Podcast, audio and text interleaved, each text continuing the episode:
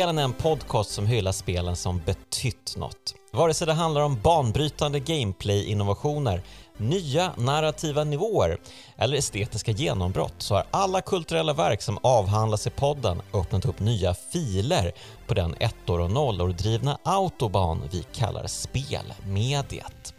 Jag heter Jonas Högberg och idag välkomnar jag tillbaka Viktor Sjöström till podden. Hej Viktor! Hej Jonas! Hur är läget med dig? Det är bra. Det är varmt för att vi spelar in detta mitt i sommaren, men annars så är det bra. Ja, inte nog med det. Vi spelar in det på sommarens varmaste dag tror jag. Uh, ja. Så vi vet Hittills. verkligen hur man gör det här. Hur man poddar på allra bästa sätt, svettandes som grisar.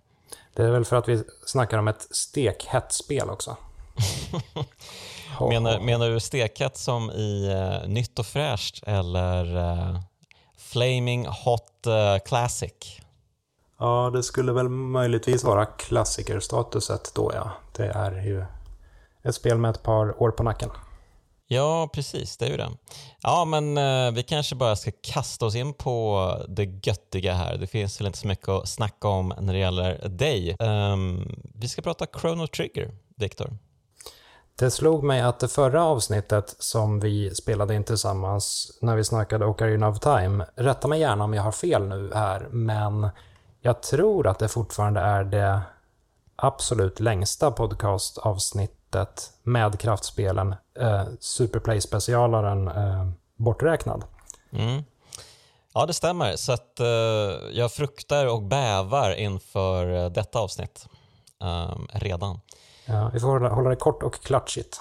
Ja, men kanske det. Uh, jag vill ju ändå minnas att det blev ett ganska bra avsnitt, Ocarina of Time-avsnittet. Men, uh, men precis. Uh, lyssnarna möjligtvis kanske vässar hö högafflarna och uh, beger sig till våra hem om vi överstiger ehm, uh, två timmars gränsen. Vi får se, men det här är ju ett av alla tiders uh, mest klassiska spel får man ändå säga. Um, det, här är ju, det här är ju ett spel som uh, många Kraftspelen-lyssnare har önskat till och med. Um, så att uh, ja, Viktor, du, du vet hur man sätter fingret på pulsen. Nu blir det ju nästan lite prestationsångest här då också, om det är flera lyssnare som har önskat spelet och så får de nöja sig med att jag snackar om spelet. De får nöja sig med Viktor Sjöström. Ja, det är hemskt. Men eh, ja, alltså precis. Vad ska man börja med Chrono Trigger? Ska man börja med att säga att det liksom, alltså i sin linda innan det var ett spel så var det ju lite av ett så här drömsamarbete mellan eh, de stora på Square och de stora på Enix var det väl? Mm, det, det, är där man, man, man oftast börjar när man börjar snacka Chrono Trigger. Uh, eller egentligen kan man ju börja ett par år tidigare, i, redan i Secret of Mana. Mm. Uh, I och med att så här, Nintendo skulle släppa en CD-tillsats till sin konsol Super Nintendo. Uh, den CD-tillsatsen blev det i slutändan inte någonting med, men spelföretaget Square um, började på ett rollspelsprojekt till CD-tillsatsen. Eh, sen när det, eh, själva hårdvarudelen rann ut i sanden så var man tvungna att klippa bort en jävla massa från det som i slutändan kom att bli Secret of Mana. Eh, så Secret of Mana stympades men släpptes 1993 och blev ändå en, en klassiker. Mm. Mycket av, av det materialet som skulle ha gått in i det här CD-projektet gick istället in i ett eh, framtida projekt som blev Chrono Trigger då, som mm. släpptes två år senare. Just det. Och eh, vad har vi för eh, spelare? Har vi en Hironobu Sakaguchi kanske? Um, ja. Som är med på ett hörn, uh, Final Fantasy-skaparen. Um, och sen har vi ju uh, de båda killarna på Dragon Quest-serien. Um, Akira Tomo... Oh, nej, Toriyama. Toriyama och... Punkt, punkt, punkt. Varsågod. Yu, Yuji Hori. Yuji Hori. Uh, Yuji Hori är ju alltså uh, ja, det närmaste man kan komma Dragon Quest-spelseriens skapare. Uh, och Akira Toriyama är är illustratören som illustrerade spelen mm. och som även skapade den, den världsberömda mangan Dragon Ball. Vilket är lite förvirrande i sammanhanget med tanke på att det ena heter Dragon Quest och det andra heter Dragon Ball och Dragon Quest heter dessutom Dragon Warrior i väst. Eller gjorde det under ett tag. Mm. Eh, dessutom så har vi även eh, kompositören Nobu Uematsu. Just det, han är med på ett hörn också, men han är inte huvudkompositör. Nej, och det, det är det här, det, det här jag skulle vilja peka lite på. För, alltså, när man snackar Chrono Trigger så, så, tar man ju ofta upp de här stora, tunga namnen. Sakaguchi, Yuji Horii, eh, Toriyama, eh, Uematsu. Eh, egentligen så Visst, de hade säkert mycket eh, inflytande över Chrono Trigger, men ärligt talat så tror jag att det var till viss del ja, men lite samma sak som att man kan marknadsföra spel med Hideo Kojimas namn eller Shigeru Miyamotos namn. Mm. Eh, det här är liksom stora posternamn som är, som är tacksamma att, att klistra på, på omslaget, men, men det finns många andra som ärligt talat var, gjorde mera för spelet. Uh, för Sakaguchi, han hade ju börjat med Final Fantasy 7 vid den här tiden, så han var ju upptagen på det hållet. Uh, Yuji Horii satt och jobbade med Dragon Quest 6 och hade massa press därifrån. Akira Toriyama jobbade på distans, vad jag har förstått, så han liksom hade, ja, han, han lämnade in sina skisser och sen hade han inte jättemycket att göra med resten av teamet. Och eh, Umatsulu, han, han, som, precis som du säger, han var, han var inte huvudkompositören, han var bara den överlägset eh, mest kända kompositören. Mm. Eh, om man istället ska peka ut två stycken riktiga nyckelpersoner här så, så är det ju eh, Masato Kato som skrev större delen av manuset mm. Eh, och liksom därmed är kind of Chrono Triggers författare eh, och Yatsunori Mitsuda som är huvudkompositören som skrev mm. de, den absoluta merparten av musiken Fram till dess att han gick in i väggen, fick magsår eh, och så fick Umatsu rycka in och skriva de sista tio låtarna. Mm. Ja, um, precis. Och han, det här var väl hans första stora gig precis. Um, han uh, var ju på vippen att uh, sluta på Square um, och uh, för att de ville, liksom, de ville ha kvar honom så att de bara, ja men okej, då, då får du skriva musiken till Chrono Trigger, varsågod. Mm. Han, ehm. jobbade, han jobbade med ljudeffekter tidigare och var jättemissnöjd med det. Mm. Och så fick han eh, Chrono Trigger soundtracket som någon slags eh, plåster på såret. Eh, ja, alltså det här är ju... Och vilket soundtrack det blev. Alltså det här är ju ett av alla tiders bästa soundtrack. Um, mm. Kanske det allra bästa rollspels-soundtracket till och med. Um, vilken, vilken är favoritlåten? Alltså det är så många, jag vet inte vilken jag ska välja. Det, allting känns så homogent och så genomtänkt och så... Eh, Dock så... spretigt. På ett bra sätt. Ja, alltså är det så spretigt? Ja, hur menar du då? Du får förklara det. Ja, men eh, det är många olika stilar. Jag, jag, jag kan inte riktigt kategorisera in Chrono Trigger-soundtracket i en enda genre. Det är ganska mycket sinnesstämningar. Det är mm. glada eh, boogie-woogie-låtar och det är eh, stämningsfulla syntar och det är eh, jättedeppiga saker. Och mm. det, det, går åt alla håll och kanter på, mm. ett, på ett bra sätt. Ja, men eh, jag tycker att det finns eh, liksom en melankolisk eh, klang i princip allt, även de jollriga sakerna. Även Johnny C. Bad när man racear mot den märkliga Elvis-roboten i framtiden. Det, det, där hade jag helt glömt alltså. Um, de verkade gilla att peta in sådana märkliga racing-segment i sina rollspel um, som kom out of the blue. Um, mm. min, min, favorit har nog, jag skulle inte säga alltid, men den har under många år varit Secret of the Forest, vilket är alltså det skogslåten, mm. som man hör första gången när man vandrar mot uh, slottet, Guardias slott. Ah, just det. Jävla fin låt. Ja, det, det, det är många, många fina minnen som uh, väcks till liv uh, när man mm. pratar om det. Och, jag, jag skulle vilja backa lite dock, för nu håller vi inte alls det kort och klatschigt här. Nu blir det ju konstiga utsvävningar ändå. Eh, mm. Men så här, alltså när man snackar Chrono Trigger så, så brukar man som sagt då landa i eh, Dream-teamet och det är utgångspunkten om man, man hyllar de här stora namnen. Men i ärlighetens namn, när Chrono Trigger släpptes 1995 så hade jag personligen dels inte jättebra koll på de här namnen och dels spelade jag inte Chrono Trigger. Eh, och det här, om man backar bandet några år igen så, så skulle jag vilja dra bara min, min, personliga resa som ledde fram till Chrono Trigger. För jag misstänker mm. att det finns en del gemensamma nämnare mellan min resa och många andras Chrono Trigger-resa. Mm. Eh, så här, min familj flyttade till Sollentuna 1989.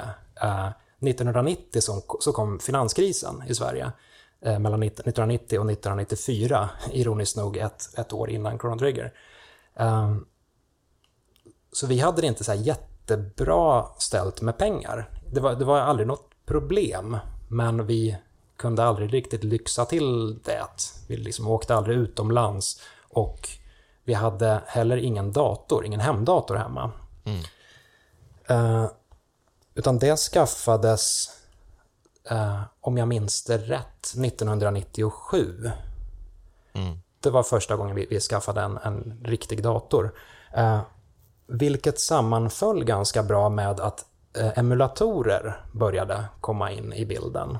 Eh, och jag misstänker att de allra flesta som har spelat Chrono Trigger eh, har gjort det antingen på emulator eller genom att importera spelet. Och de som importerade spelet 1995 vågar jag nog hävda är en försvinnande liten del av liksom, Chrono Trigger-fanskaran.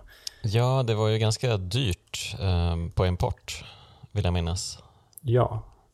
Eh, så jag upplevde Chrono Trigger ett par år senare än vad spelet faktiskt släpptes. Och jag gjorde det liksom skamlöst via eh, eh nedladdade eh, ROMs och emulatorer.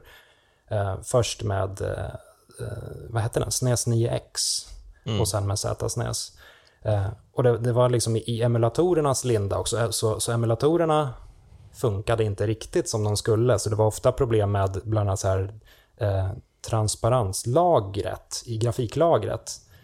Eh, mm. Emulatorerna klarade helt enkelt inte av genomskinlig grafik, så till exempel Marls ismagier eh, var eh, svarta helt och hållet. Hon kastade liksom ah, kolbitar okay. på fienderna. Eh, och det var så jag upplevde Chrono Trigger. På, på en dator eh, som stod på ett väldigt obekvämt litet datorbord som stod i vårt kök. I mitt... Eh, liksom... I köket? Okay. ja. ja. Och även om inte alla kanske spelade Chrono Trigger i köket så tror jag att många spelade Chrono Trigger i, på emulator och många spelade eh, kanske som en en, eh, en, en, en av de första datorupplevelserna. Kanske. Eller så skriver jag in alldeles för mycket av mig själv i andra just nu. Ja, men om du vill få lite backup så kan ju jag eh, flika in då att jag också spelade Chrono Trigger på emulator um, kring, ja men det måste ju varit samma veva typ, 97, 98 tror jag det var. Um, för det var då vi fick dator också. Um, jag växte upp i ett väldigt fattigt hem um, och uh, oavsett finanskris eller ej, uh, båda mina föräldrar var pensionärer. Så att uh, de var väldigt fattiga och ja, men ja, förr eller senare så dök det upp en dator hemma hos oss eftersom min bror hade köpt den. Um, och då blev det ju lite emulatorer. Men jag minns ju hur man läste i Superpower om Chrono Trigger. Ja, och verkligen herregud vilken, vilken hype det var kring det här spelet. Um, mm. Var det hela 1995 som de liksom hypade inför släppet där? Ja. Um, jag, jag, jag, har skrivit upp det exakta numret här inför den här poddinspelningen. Men jag, jag, kollade upp när, när jag hörde talas om Chrono Trigger första gången och det borde rimligtvis ha varit Superpower nummer 6-7 1995. Det var ett eh, nummer med Mario och Sonic på omslaget. Mm. Uh, och uh, Tobias Bjarneby skrev att vem behöver en Playstation när, när sånt här släpps till Super Nintendo?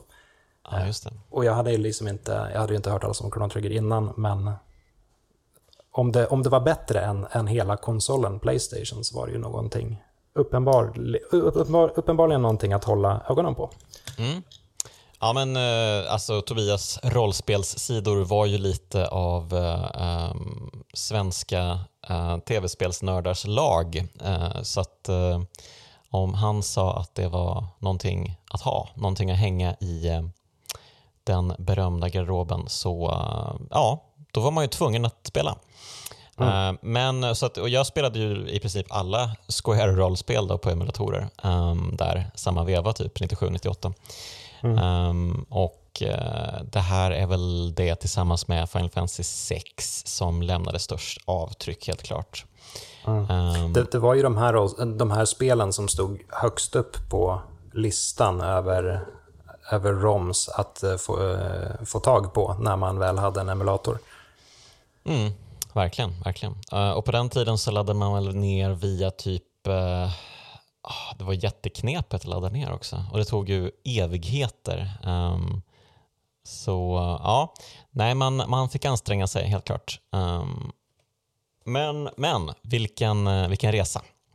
Uh, och vilken resa det har varit att spela om spelet. Eller jag har inte spelat om exakt hela spelet då. Jag, jag hann ju inte för att vi var tvungna att eh, uh, tidigare lägga inspelning här lite grann.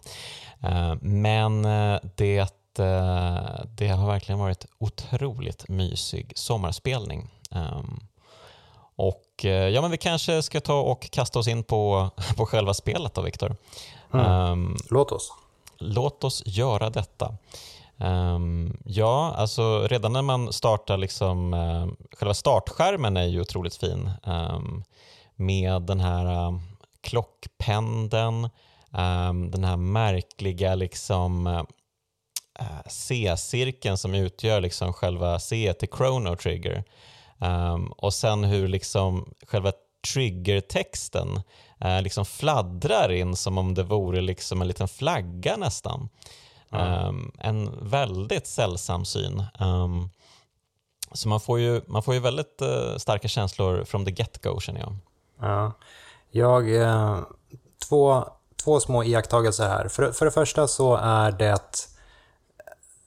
den här tidens högbudgetspel leker ju ofta med just häftiga grafiska effekter som kanske inte alltid är helt logiska men som så här, det ser coolt ut. Jag tänker till exempel på Donkey Kong Country eh, som liksom rullar in sin titelskärm som om den satt uppspänd på en toarulle. Just det. Eh, vilket också är ganska konstigt.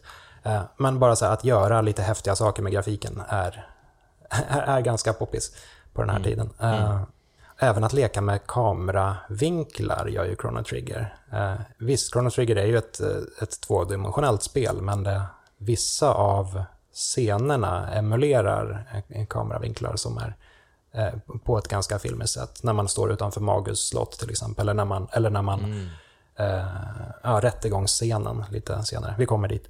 Eh, för det andra så, så följs ju Eh, titelskärmen av en liten, ehm, en liten vad, ska man säga, highlight när man får se uh, väl valda episka scener ur spelet. Just det. Och det, det är en ganska smart grej, för det gör att man kan bränna av massa coola, episka saker. Men sen kan man ändå inleda det faktiska spelet på ett väldigt lugnt och harmoniskt sätt. Mm. När man väl har fångat in spelaren. Eh, det är nästan lite som ett eh, attract mode i ett arkadspel här. Mm. Men sen när, när, spelet faktiskt börjar så, eh, så börjar det ju väldigt lugnt med att Krono vaknar upp i sin säng. Eh, mamman kommer och drar undan gardinerna och eh, eh, liksom solen skiner. Ja, jag vill fästa lite extra betydelse vid gardinerna här. Um... kort, kort och snärtigt håller vi det här. Ja, nej, men eh, det, det är kanske det som, eh, som stannat kvar eh, allra mest hos mig. Det faktum att man hoppar upp ur sängen, mamma går ner för trappan och man kan alltså stänga och öppna gardinerna och släppa in solljus i ens rum. Um, och uh, den, uh, den effekten är ju så otroligt jävla ball. Uh, så att jag bara stod där och höll, tryck på knappen hela tiden. Bara, herregud, herregud, mm. vad är detta för spel? och Square var ju väldigt duktiga på solstrålar mm. på Super Nintendo. Uh, sen kanske inte de kommer till sin fulla rätt om man kör spelet på en emulator i slutet av 90-talet som inte klarar av uh, genomskinlig grafik. Men så här, med facit i handen så ja, Chrono Trigger har snygga genomskinliga effekter. Ja, och eh, bra gardineffekter också. Um, ja, men uh, precis. Uh, vi har kommit igång. Chrono är vår hjälte, um, våran protagonist. Och uh, han bor med sitt orangea bananklasehår i en liten by tillsammans med uh, Lucka som är, eller han bor inte tillsammans med henne, men han är väl hennes bästa, han är bästa kompis med henne. Mm. Och, han, han, bor tillsammans med sin mamma och jag, jag har i något artikelsammanhang eh, analyserat deras hem. Mm eh, och de, de, har bara en enda säng. Eh, Okej. Okay. Jag tolkar det dock inte som att de delar säng med varandra. För det finns en liten soffa nere på nedervåningen, så jag antar att mamman sover på soffan. Men den soffan ser inte ut att vara någon speciellt skön bäddsoffa, utan en liten så här prydnadssoffa. Så jag tycker mm. lite synd om mor. Ja, eh, det känns som att eh, du borde ståkat lite iskar här ehm, och eh, tagit reda på mer om mamma Kronos liv. Ehm, hon, hon dyker ju upp sen i allra slutet igen på ett ganska kul sätt. Ehm, så mer om henne senare antar jag. Men, eh, men precis, han, eh, Croner då eh, och Lucka. Lucka är ju en uppfinnare. Hon är ju liksom en briljant uppfinnare. Hon är liksom århundradets uppfinnare. Hon kan ju uppfinna sådana sjuka grejer så hon har ju uppfunnit en robot som man kan fightas med lite. Mm. Till exempel. Men det som pågår är ju att det är millennieskifte. Det är år 1000 AD. Och vad står AD för kan man fråga sig? Ja, mig veteligen så finns inte Jesus Krisp i denna värld. Eh, mm. Så jag vet inte fan vad de räknar efter. Nej men precis. Men hur som helst, eh, det är år 1000 och de har en, stor festival ehm, för att fira ehm, det nya året, I guess. Så ehm, Chrono beger sig dit eh, och på festivalen så hittar han Lucka. Ehm, hon har en helt ny, otroligt fantastisk uppfinning. Och det här är ju liksom man ska kanske i åtanke att eh, Chrono, eh, hans eh, tidsera som han bor i, det är ju liksom en liksom ganska klassisk ehm, medeltidsera, fast kanske lite, lite längre fram i medeltid. Ja, uh, spelet har ju en faktisk medeltid sen också. Precis, jag kom på det just. Uh, men det är ju fortfarande liksom inte, det är fortfarande inte en nutidsskildring heller riktigt, utan det är väl lite längre tillbaka i tiden. Vad kan man tänka sig att det kan vara? Typ 1800-tal slash 1900-tal, alltså i den skarven snarare.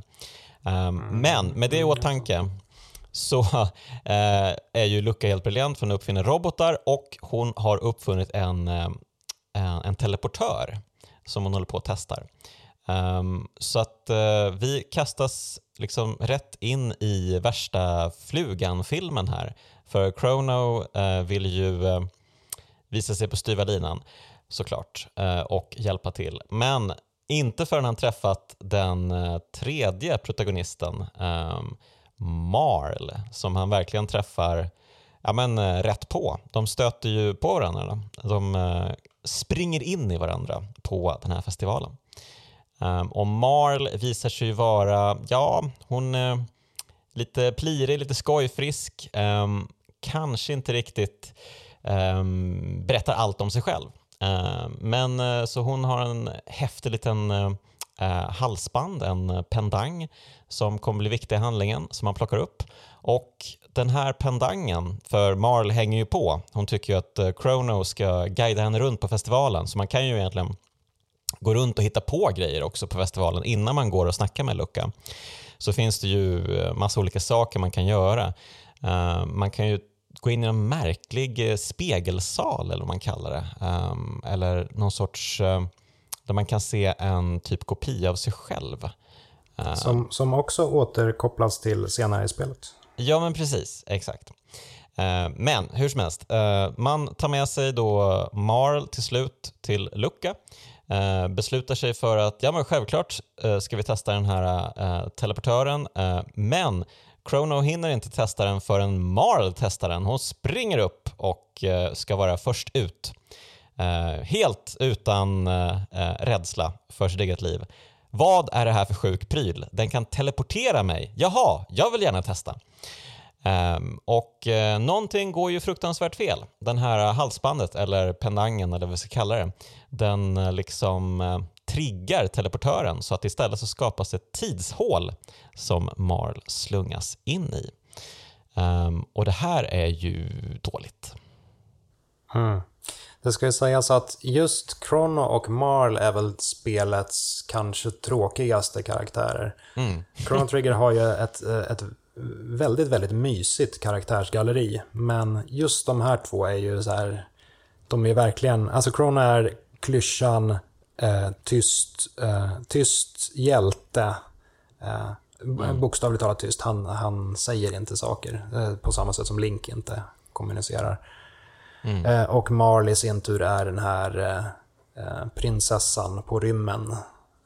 som man mm. också har sett i en och annan story då och då. Precis, de är the quintessential cis-par liksom. Um, och uh, de är ju meant to be såklart. Um, ja, så att uh, självklart så kastar sig uh, Chrono och Luca efter Marl. Och ja, men de slungas helt enkelt 400 år tillbaka i tiden till den här medeltiden som vi pratar om. Um, och vad händer här då, Viktor? Det som sker är ju att uh, man upptäcker snabbt att Marl har orsakat en, vad heter det på svenska? A grandfather paradox. Just det. Vad, vad säger man på svenska? Farfars Oj, paradox? Vi, vi, kör, vi slår till med farfars paradox. Fast, i Mars fall så, är det, så illustreras det med morföräldrar, alltså mormors mm. paradox då. Mm, precis. Kanske. Yes. I alla fall, så här. Marl anländer eh, år 600, det vill säga 400 år tillbaka i tiden.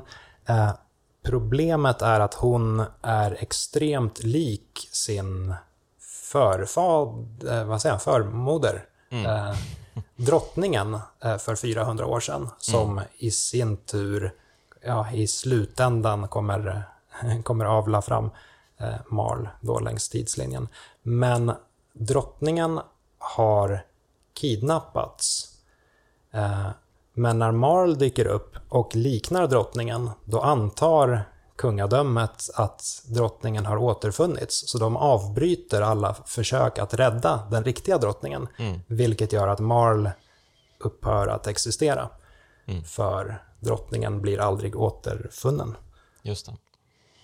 Så då måste våra hjältar helt enkelt rycka in och eh, göra det eh, ingen annan gör, eh, nämligen rädda lite drottningar. Um, och uh, det är ju en, uh, det verkar ju vara liksom The Chancellor verkar ligga bakom det här och det är klart, eh, finns det en Chancellor um, så är det ju alltid The Chancellor som ligger bakom uh, skurkiga saker. Um, det är ju sen gammalt liksom. Mm. Men i det här fallet så är det ju ett eh, monster som tagit på sig eh, The Chancellors människoskrud får man väl säga.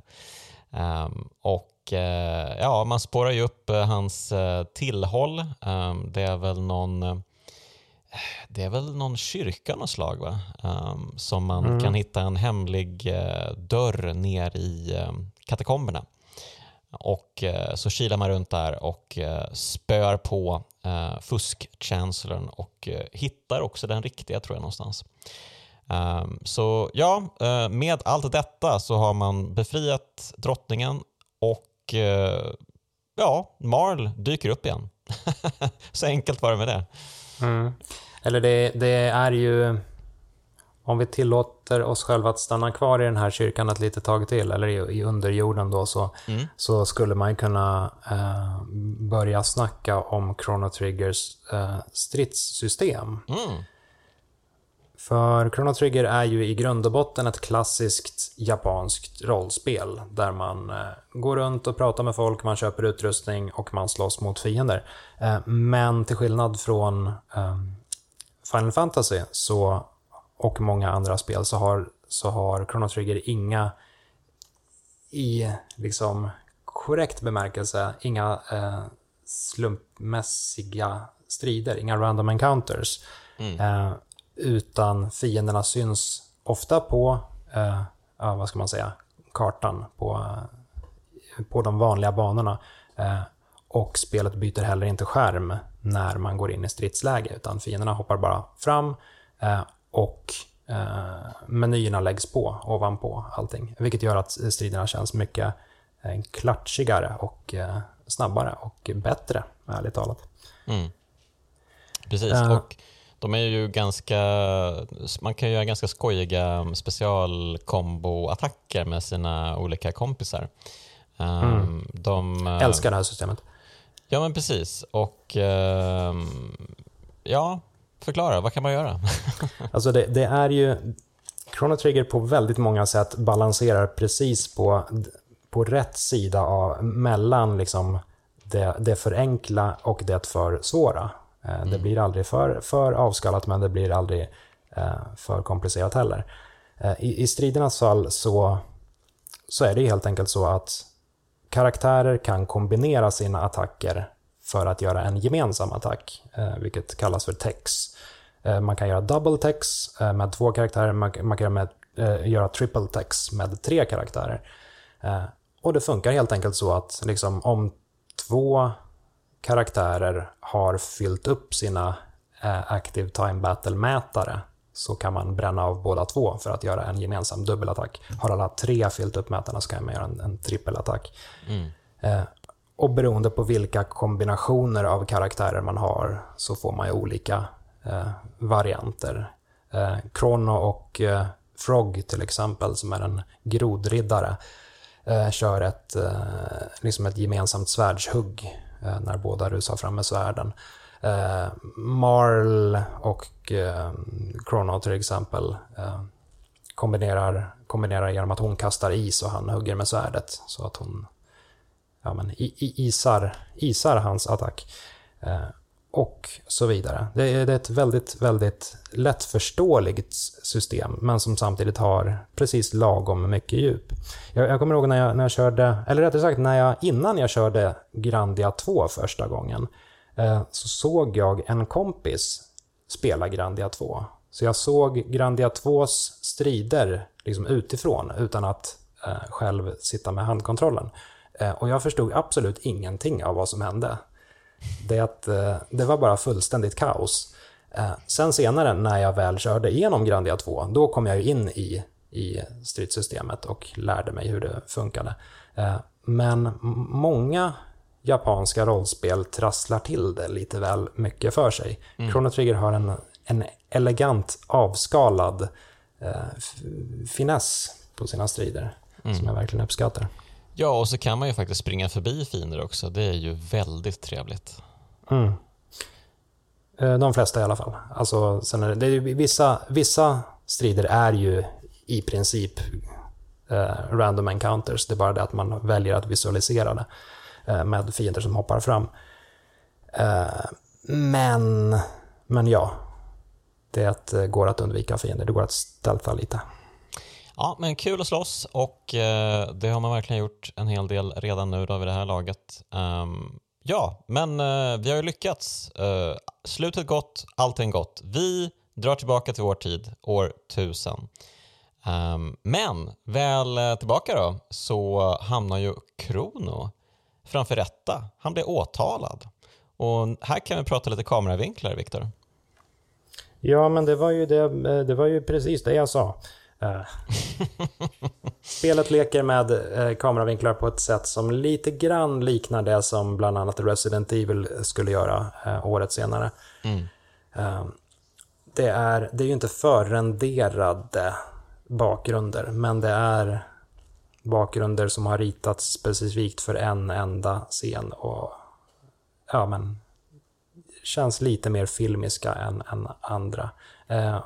Och det, det är in, egentligen inte bara de här, de vi har nämnt tidigare med, med äh, rättegången och med Magus slott och så. Alltså när man springer över bron till exempel mm. i, i medeltiden. Det känns det. också så här filmiskt och eh, med ett, ett, ett kameratänk som inte riktigt finns i andra spel. Uh, mm.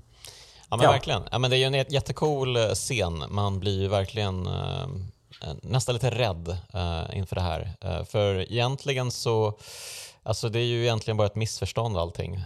men den här, den här tidens Chancellor spiller ju ingen tid på att eh, ja, men, eh, Kronos ska dö helt enkelt. Eh. Spe, spelet är ju lite lurigt här också. Det, det som läggs fram för, som, som bevis under den här rättegången, känslan försöker bevisa att Kronos är, är Satan och att han har kidnappat Marl, eller försökt. Mm. Liksom. Det som läggs fram som bevis är väldigt oskyldiga saker som man har gjort under den första tiden på Millennial Fair. Mm. Till exempel om man försökte övertala Marl att sälja sitt eh, halsband eller ifall man eh, försökte dra iväg henne från ett eh, eh från ett, en liten shop medan hon står och, och kollar in varorna. Eh, och ja, men det, är ju, alltså, det är ju inte bara grejer twista. som rör henne heller, utan alltså de, de försöker ju verkligen måla ut Kronos som en amoralisk eh, person för på den här affären så kan man ju gå förbi någon sorts tårtbit och bara liksom sluka den. Um, och det tas ju också upp om man gör det i rättegången. Att uh, hallå, ba, vad gör du? Varför tar du andras uh, grejer? Varför norpar du den där saken för? Mm. Och rent, um, rent spelmekaniskt så gör man ju det för att man får full HP och MP eh, när man har slagits mot eh, roboten Gato. Som är ett litet minispel där i början. Så det är ju såklart ett lur från Squares sida. Eh, men också en sån här liten oskyldig sak egentligen som när man precis eh, liksom stöter på Marl, eh, när man springer in i varandra, så faller ju hon omkull på marken och hennes halsband som påverkar och skapar den här tidsportalen, mm. det, det, faller ju åt sidan också. Ja, Väljer jag, man... Ja, förlåt.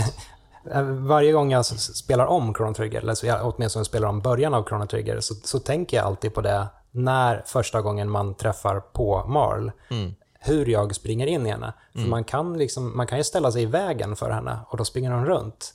Så mm. man måste aktivt tackla henne för att uh, spelet ska gå vidare. Ja, lurigt Square. Men om man plockar upp halsbandet innan man eh, kollar med eh, Marl, då är det ju också någonting som eh, de kan använda emot den. För självklart ska du ju kolla att, att hon är okej okay först innan du liksom går och norpar eh, juvelerna. Liksom. Eh, så fy skäms. Eh, så det är många sådana grejer som till slut fäller Chrono och egentligen så vill ju kungen bara att ja men släng honom i fängelse några dagar. Eh, det var väl inget, eh, inget farligt det här. Men The Chancellor eh, är ju självklart ondskefull och skriver under Kronos dödsdom istället. Mm. Vilket betyder då att han måste fly från ett fängelse. Och det är också ganska kul. Man springer runt i olika dungeons och man klättrar på, på utsidan av ett stort torn Um, och uh, ja, men till slut så slåss man mot en stor uh, robotdinosaurie. Um. Dragon Tank. ja, uh, så att då är kanske Luca inte helt ensam om att skapa robotkreationer i och för sig. Um, men ja, märkligt. Eh, det, det känns lite, lite skevt. Eh, ska de verkligen ha robotar här? Det känns... Mm, ja, okej okay då. Men eh, så att ja, det verkar ju lite som att de är lite unwanted här. De är sura på att kungen och hans posse håller på. Chrono, Luca och Marl. Så att de beslutar sig för att fly i en tidsportal. Ja, eller så här, besluta och besluta. De blir ju jagade och tvingas ja. i princip att fly hals över huvud. Ja, men exakt. Och eh, då hamnar de i framtiden, år 2300 AD. Um, ja, men, och där har ju apokalypsen redan inträffat. Och det finns ju en, en hel del teorier här om att eh, liksom Hironobu Sakaguchi, som alltså var Final Fantasy-skaparen, att han vid det här laget hade blivit så förtjust i eh, liksom sci-fi och steampunk och framtidsdystopier och sådär. Han hade gjort Final Fantasy 6 som var ganska steampunkigt. Han satt och arbetade med Final Fantasy 7 som eh, ja, ju också är ganska mörkt och dystert och futuristiskt på sitt sätt. Medan Yuji Horii, alltså Dragon Quest-skaparen, istället var väldigt förtjust i de här klassiska medeltida stereotyperna med riddare och eh, drakar och eh, slott och sådär. Mm. Och att Chrono Trigger blev något slags, alltså det bästa av två världar. Att mm. alla, alla fick ha med det de ville ha i spelet. Mm. Och därmed så har man alltså kommit in i eh, Sakaguchi-eran av Chrono Trigger. Ja, så att eh, vi kastas rätt in i en eh, ja, men nästan mer fallout-minnande eh, framtidsvärld. Um, I och för sig, alla bor liksom i stora så här kupoler, eh, eller bodde då i stora kupoler, år mm. 1999. Um, men då dök en eh, ondskefull fasa upp från eh, jordens innanmäte och eh, ja, men förstörde jorden helt enkelt. Så nu år 2300 så är allt förstört, alla de här eh, domesen ligger i ruiner. Människorna, eh, trashankar som precis knappt lyckas överleva i det här liksom sargade ödelandskapet. Det är ju nästan parodiskt eh, miserabelt här. Människorna ser ju verkligen ynkliga ut när de sitter invirade i sina eh, smutsiga filtar och eh, liksom de har inte mat och de, ha, de har någon slags eh, maskin som kan, vad är den heter, Re regenerator eller mm. någonting åt, sådär, åt det hållet. Men den är trasig och eh, liksom, nej det, det är inte kul. Ja, men jag tror att man kan använda den här regeneratorn eh, så att man får full hälsa och eh, så. Men de är noga med... still hungry. Exakt, de är noga med att påpeka att eh, du är fortfarande hungrig. Ehm, du, kanske, du kanske är lika stark och ehm, har samma liksom hälsopool men eh, inom dig där växer ett stort mörker och en stor hunger. Liksom. Um, så att, uh, ja, det är verkligen deppigt här får man ju säga. Um, och eh, det är väldigt, eh, jag tycker det är en väldigt tjusig framtidsvärld de har lyckats få till med pixelgrafiken. Ehm, det är verkligen eh, mycket, mycket vind och, och oväsen och, och skrot som ligger överallt. Så att, ja men vackert på sitt sätt. Mm. Och det är två saker kanske framförallt som sker under den här första trippen till, till framtiden, år 2300. Eh, eller tre om man så vill. Det, om man räknar in eh, den tidigare nämnda Elvis-roboten som man eh, racear mot eh, i ett litet eh, racing-minispel som man ser från sidan.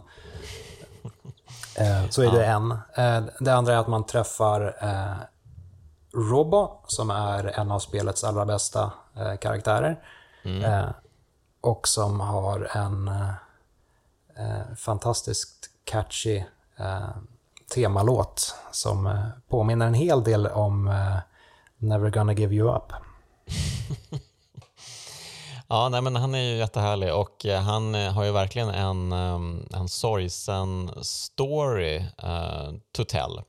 Um, för han är ju en robot som, um, som fortfarande lyder liksom, vad ska man säga, the prime directive, att man inte ska skada människor, att man ska ta hand om människor. Att det var det robotarna byggdes för.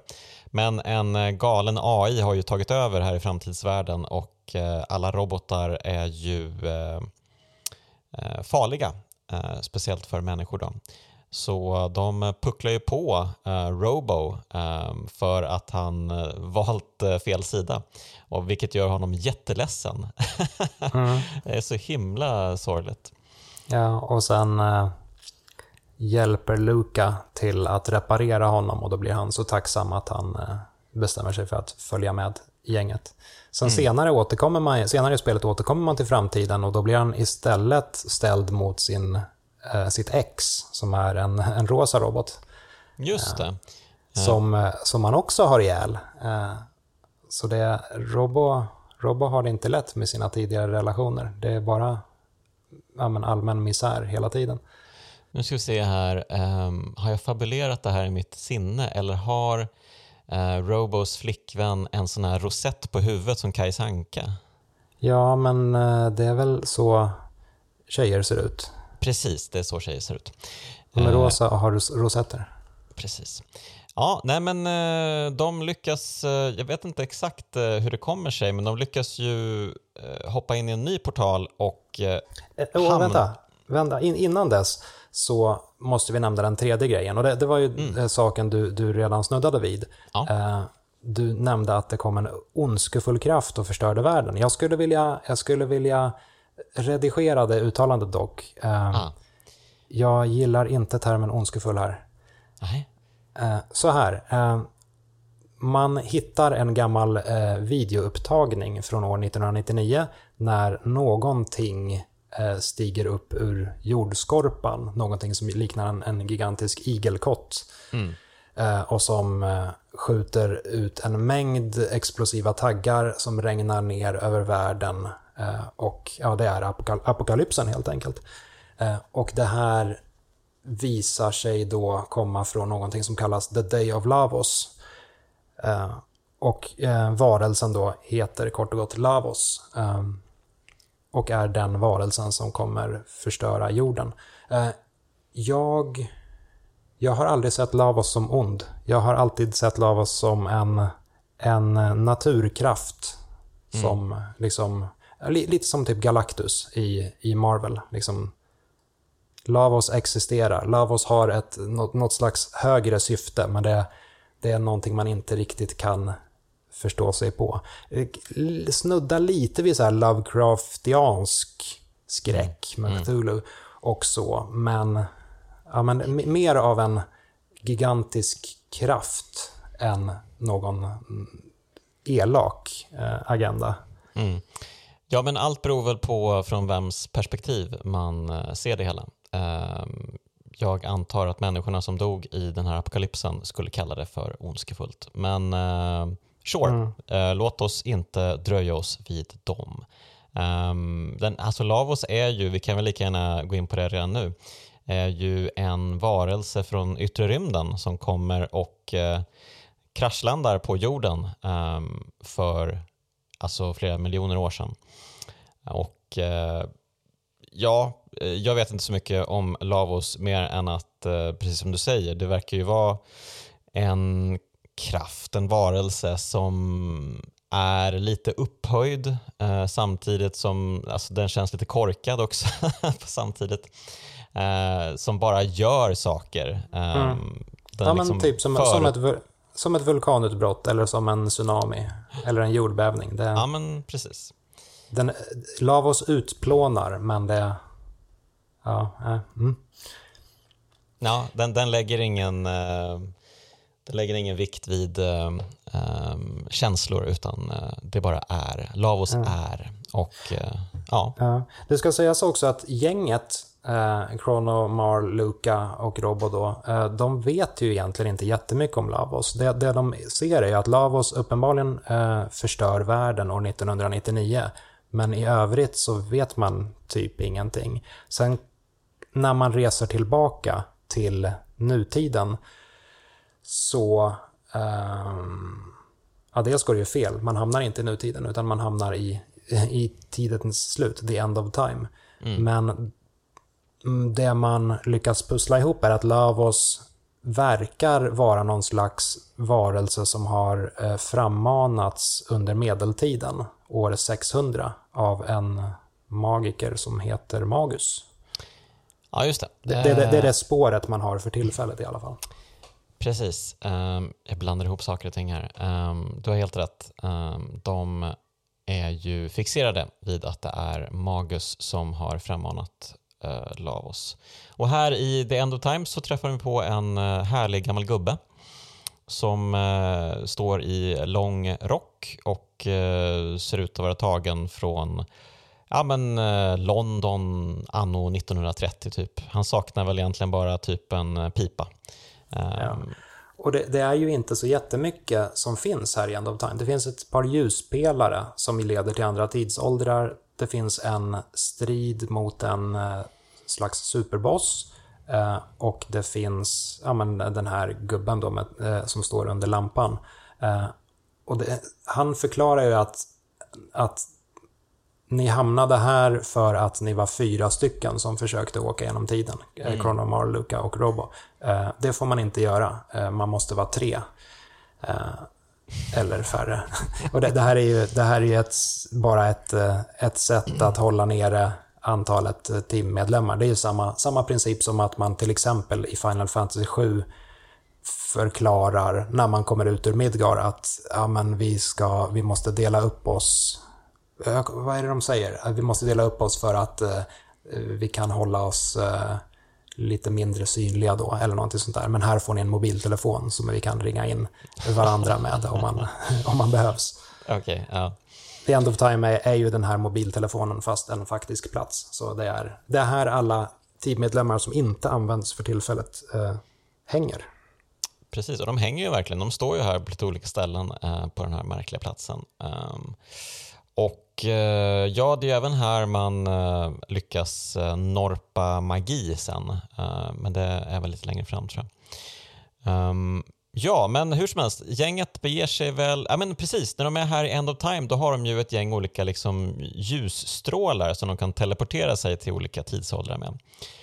Um, som gör det lite enklare att resa i tiden. Um, men, och det är väl här de liksom bestämmer sig för att uh, ja, men vi måste stoppa det här. Vi måste, vi måste förhindra apokalypsen som kommer hända i framtiden. Um, och här får vi väl egentligen liksom det första drivet egentligen. Uh, det första egentliga drivet förutom det här klassiska, vi måste rädda den kidnappade prinsessan. Um, eller prinsessan på vift i det här fallet. Um, så ja, men nu känner man ju verkligen att spelet tar fart. Uh, nu blir det uh, verkligen en riktig agenda här. Ja, att, ja men det, det, det, är ju det är lite, om, om vi återigen ska dra Final Fantasy 7-parallellen, så är ju det här ögonblicket när Sephiroth kommer in i bilden. Uh, bara det att här har vi inte Sephiroth, utan vi har Lavos istället. Mm. Ja, men precis. De, de tjänar ju lite samma syfte, även om Sephiroth är lite mer talför kanske. Um, men eh, ja, men gänget drar ju tillbaka då till år 600, I guess. Jag har inte koll på allting för nu är det ett himla massa tidsresanden som, eh, som händer. Mm. Um, men, men hur som helst, om, för, om, vi ska inte försöka, vi ska försöka inte ta det här in i tre timmars uh, uh, gränsen här utan uh, vi försöker korta ner lite. Det säger du nu. ja, men år 600, de får ju nys om att de, det pågår ett krig här, eller det har man ju redan skymtat första gången man var i år 600. Mm. Uh, men nu ska man försöka liksom ge sig in i det lite grann. Mm. Um, och det, det, det, är ju så snyggt uh, uppbyggt det här egentligen. Alltså, det här kriget har man ju egentligen hört talas om redan från den allra första festivalen, Millennial mm. Fair, när man gick runt och glassade i solen. Då kan man snacka med folk som nämner att så här, ah, nu har det gått 400 år sedan uh, vi vann någonting schysst mot någon eh, knäpp troll, trollkarl eh, way back. Eh, och så fäster man inte jättestor vikt vid det. Och sen snuddar man lite vid eh, under första resan till eh, år 600 och nu ja, drivs man djupare in i den här konflikten. Mellan, mellan då kungadömet Gardia och eh, eh, The Mystics kallas de väl. Precis, det är ett gäng, ja men det här är väl ändå eh, ett gäng ondskefulla skurkar. Eh, alltså om vi ska, kanske inte ledaren då, Magus, eh, men hans eh, hantlangare, hans tre hantlangare, de är väl ändå skurkar, Viktor? De är skurkar, får man säga. Mm. Och de är ju döpta efter, efter rockstjärnor också, det är ju lite kul. Ja, just det.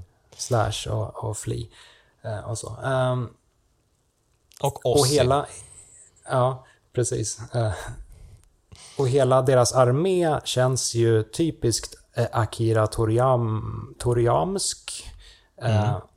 Den påminner verkligen om ja, men, monstren och varelserna och dinosaurierna och så som, som dyker upp i Dragon Ball-mangan. Lite så här klämkäcka eh, men ändå onda varelser.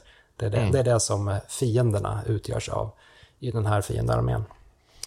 Ja, precis. Jag tänker framförallt på de här små eh, gnuttarna typ, eh, med stora huvuden som, som rullar på bollar lite grann. Ja, och det, och det, är så härligt också, för där, där kan man ju verkligen känna att Chrono Trigger, visst Chrono Trigger är ett gammalt spel från 95, det har ju tydliga begränsningar, men det har ändå eh, någon slags försök till att skapa en levande värld. Det finns i vissa scener till exempel när de här små eh, Goblin-aktiga varelserna står och liksom sparkar boll med en sån här liten Rolly som de, eh, ja, spelets motsvarighet till Slime, de runda fienderna. Mm. Eh, och det, gör de lite oavsett om man själv går in i strid med dem eller inte, för de, liksom, de bara latchar runt i, i en skogsglänta. ja, mycket fint. Eh, det finns många fina scener så där man stöter på lite då och då. Mm. Um, mm.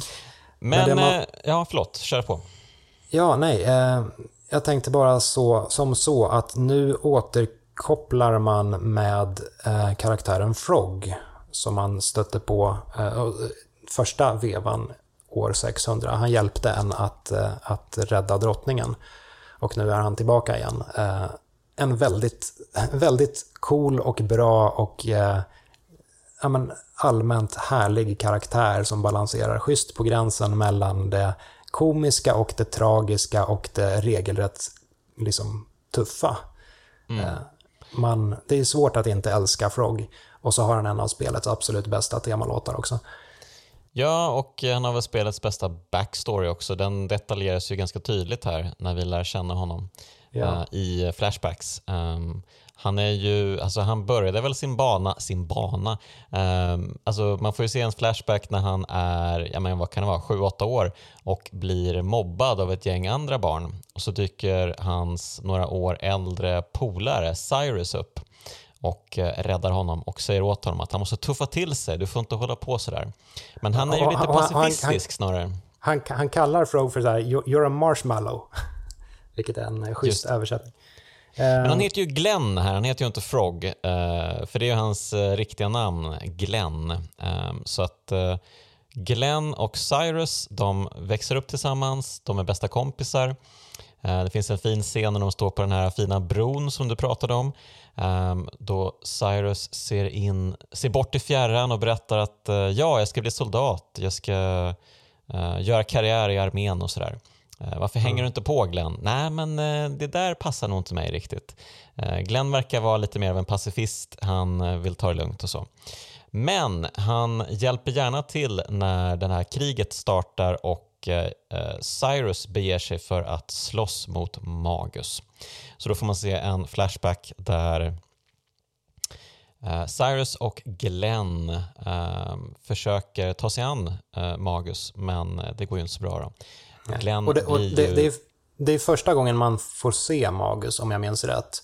Uh, och mm. ja, men hittills har Magus mest uh, liksom omtalats. Han har, ja, folk har nämnt honom, men, men han har befunnit sig lite i periferin av storyn. Här får man se honom för första gången. Ja, men beskriv Magus. Magus är ju, han har ju vissa gemensamma saker med de uh, de andra 90-tals emo-skurkarna, Alucard och Sephiroth. Han är liksom, mm. han är mystisk, han är enormt mäktig, han har långt vitt hår. Eh, och han eh, slåss med hjälp av en lie och väldigt, väldigt kraftfulla magier.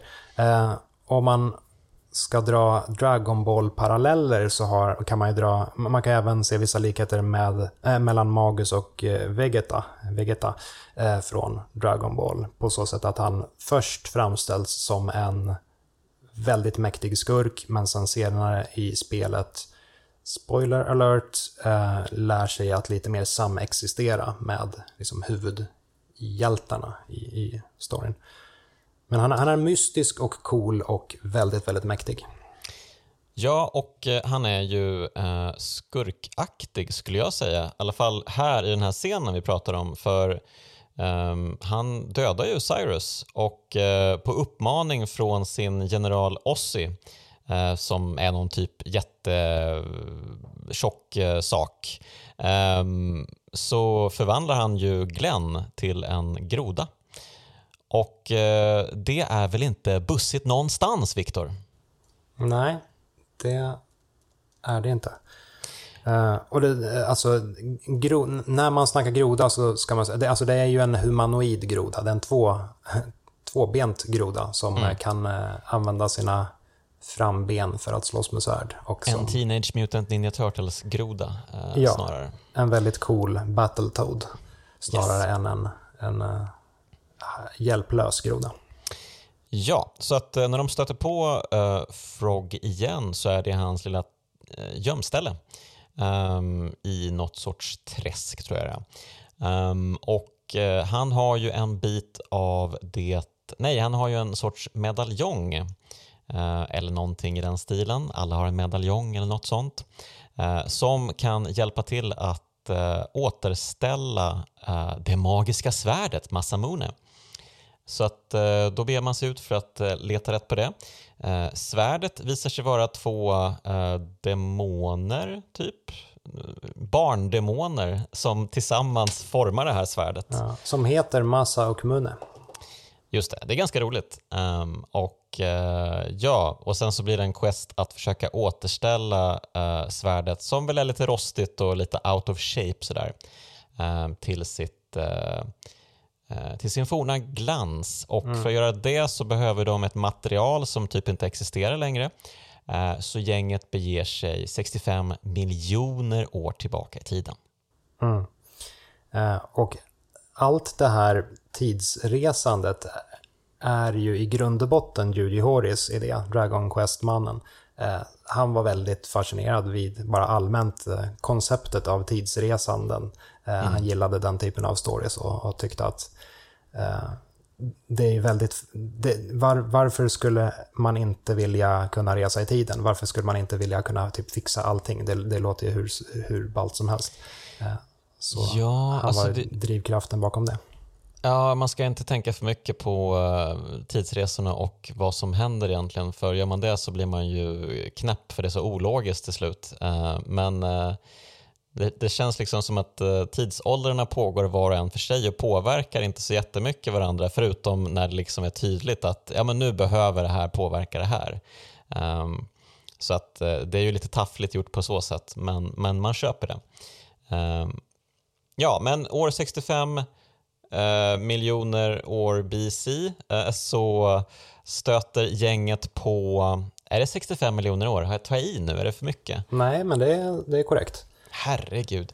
Eh, och då fanns det människor. Eh, grottmänniskor i och för sig. Ja, det fanns grottmänniskor och det fanns någon form av dinosaurievarianter eh, som kallas för reptites.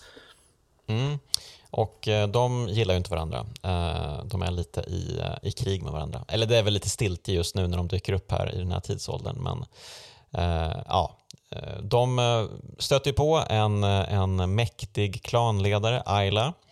Och Eh, ja, hon tycker att eh, de är the bees knees, de här typerna. Jättekul. Det är klart att ni ska hänga med oss. Eh, låt oss ha en stor fest till er ära. Men under festen så är det någon som snor Lukas tidsportalsnyckel.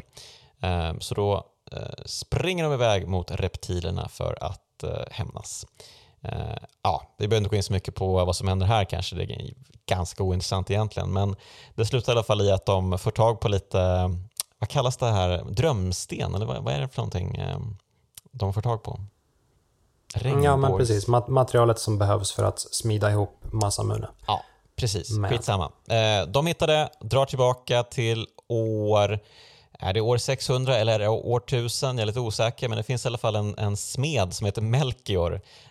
Um, och, uh, han, han, han, bor uh, på, uh, vid år 1000. År 1000. Och han, det är ytterligare en sån här grej som spelet eh, planterar väldigt tidigt. Han är en av karaktärerna som står och hänger på den här Millennial Fair eh, festivalen alldeles i början av spelet. För han har kommit, han har kommit till kontinenten för att liksom, sälja sina vapen eh, på festival. Mm. Eh, som man gör på festival. Eh, och eh, sen när festivalen väl är över så har han dragit tillbaka till sitt hem och det är där man träffar honom nu. Just det. Um, och han fixar ju biffen. Um, svärdet uh, blir ju finfint igen. Och uh, gänget drar tillbaka med svärdet till Frog. Och uh, ja, men givetvis jag ställer upp. Låt oss uh, ta oss an Magus. Så gänget uh, beger sig till någon uh, klippa i öknen tror jag det är. De, och så blir det någon sorts svärdet i stenen-grej när Frog typ uh, slicear upp en, en ingång rakt i klippan. Ja, han klyver ju i princip berget. Ja, eh, varför nyttjar han inte den kraften lite oftare kan man tycka? Han har ju i och för sig, han har ganska mäktiga krafter även berg och sido. Han har ju bland annat förmågan att kalla ner en enorm jättegroda som hoppar runt på ja, slagfältet. det är den roligaste specialattacken ever. Fantastiskt kul. Ja. Uh, det känns som ett helt annat spel när den dyker upp. Man bara what the fuck is going on? Um, ja, kul. Um, men den hinner man inte få um, här, den kommer lite senare i spelet. Eller ja, man kanske kan hinna få den, men det beror väl på. Man ska ju levla upp till en speciell gräns tror jag för att få de här specialattackerna. Så att om man är galen kan man väl stå och, eh, och eh, levla, antar jag, i tusen år och eh, få den. Men vem orkar det? Hur som helst, de ger sig in i Magus slott, de spöar hans rock'n'roll-hantlangare. Och, Ossis lär sig fly. Ja, och Ossi är ju lite av en fegis. Det är ju ingen egentlig bossstrid man har mot honom utan han, han är ju rädd för gänget och kapslar in sig själv i is. Eh, och sen så ska man slå på eh, switchar för att öppna en fallucka så han faller ner. Eh, så det är kul. En bossstrid som handlar om att interagera med eh, omgivningen snarare. Eh, ja, och eh, gänget springer ner för en trappa och eh, in till Magus Lair. Och det är väl spelets svåraste bossstrid uh, up to here skulle jag säga. Um, allt, det, allt det här är väldigt snyggt uppbyggt också. Mm. Kan man ju inflika. Dels hela ingången som vi nämnde tidigare då, när man står utanför slottet och kameran panorerar upp mot tornet. Det är en av spelets mest liksom, legendariska vyer. Och sen musiken inne i slottet är ja, men, väldigt kuslig. Och sen är det någon liten, är det någon liten fladdermus? Det är någon mm. liten varelse som, för, som följer efter en ja, eh, under slottets gång. Eh, också, också kusligt. Precis, och det är ju en av bossarna också. Och sen slutligen då när man, eh, när man inför då striden med Magus så träder man in i en mörk kammare och så tänds blå eldar upp i en, i en cirkel runt, runt bossstriden. Mm. Eller runt, runt Magus, ska jag säga, som står där och, eh, och försöker frammana Lavos. Men sen kommer man och avbryter honom. Precis. Uh, och får man spö i den här striden så vänder han sig om och fortsätter eh, frammana eh, Lavos. Så att han är väldigt eh, dedicated to his eh, craft, eh, den här killen. Mm. Um, så än, än så länge så lever man ju fortfarande då i villfarelsen att eh, Magus ligger bakom Lavos på något sätt. Magus är skurken. Stoppar man Magus så stoppar man även Lavos. Vilket inte är sant, men det det är det man har att gå på för tillfället. Eh, och sen eh, som sagt en väldigt episk bossstrid mot honom. Eh, fantastisk musik återigen. Mm. Och Magus själv kan kasta flera olika elementmagier och är sårbar mot Ja, han, han, växlar runt helt enkelt. så man måste variera sina attacker. Man kan inte bara blasta på med eld hela tiden. För Eh, han, han byter eh, sköld då och då. Ja, eh, tack och lov, eller tack och lov säger jag, men eh, det är ju inte så här att eh, när han använder eldmagi ska man använda ismagi på honom, utan man ska använda eldmagi på honom. Eh, man ska helt enkelt kopiera det han själv eh, använder för att kunna skada honom. vilket kan kännas lite ologiskt när man har liksom tv-spel har liksom uppfostrat en att ja, men du måste kontra eld med is, försök inte. Mm. Um, så att man, man blir lite förvånad över upplägget till en början. Men mm. ja, kul. Ja, och det, det, här, det här målas ju upp som någon slags, ja men det är ju en falsk slutstrid kan man säga. Uh, fram tills nu så har man, uh, det här är det man har, har att gå på. Så man tror att ja men det är väl spöa Magus och sen är saken, saken löst. Eh, men det visar sig vara helt fel och när man väl vinner så rivs verkligheten istället upp i en stor tidsportal och så slungas man ut ur 19, eller inte ut ur 1900, ut, ut ur 600 eh, och tillbaka till år 65 miljoner before Christ eller motsvarande. Mm. Just det. Och eh, här har man lite mera samkväv med eh, Ayla. Och mm. slåss... Magus själv spårlöst försvunnen. Just det.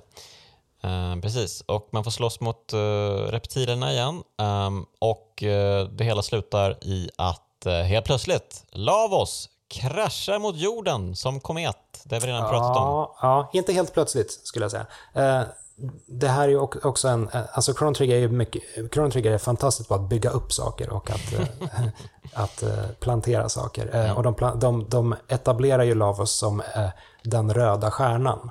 Just det. det har dykt upp en röd stjärna på himlen. Som visar sig vara en meteor som sen visar sig vara Lavos helt enkelt. Varelsen Lavos som kraschar från skyarna från mm. yttre rymden ner, i, ner på jorden. Yes, uh, och eh, är det så att hans, uh, han, jag vet inte om det är en han, men uh, hen, Lavos, meteor, meteoritnedslaget, man kan väl gå till det sen och interagera med någonting där inne sen som är det det som för oss till nästa tidsålder kanske till och med? Ja, så, så här. Alltså det, det, blir ju en slags slutstrid mot Reptite-varelserna i, i Reptite-slottet. Eh, när man slåss mot ledaren. Eh, och det, det, är lite tragiskt också. Lite, Chrono Trigger är ju bra på det här med eh, att både vara komiskt och att vara tragiskt. Eh, när man väl har besegrat, eh, vad heter hon? Asa, Asala, tror jag. Mm. Eh, Reptite-ledaren, så, så säger hon väl någonting i stil med så här, ja men vi vi, vi kanske är dömda att, att eh, dö ut, men vi eh, gav er i alla fall en, liksom, our best. Vi, vi kämpade i alla fall in i det sista. Eh, mm. Och sen kommer då det här nedslaget när Lavos kraschar ner från himlen, utplånar slottet. och det, det går ju att dra paralleller till verkligheten då, verklighetens liksom, asteroiden som dödade dinosaurierna. Det här är någon slags spelmotsvarighet till det. Så det är slutet på Reptite-eran eh, via Lavos nedslag. Mm. Eh, men sen återvänder man till kratern eh, där Lavos slog ner. Lavos själv har redan hunnit borra sig ner i jordskorpan och eh, är spårlöst försvunnen. Men man hittar en tidsportal eh, i kratern och går in. Mm.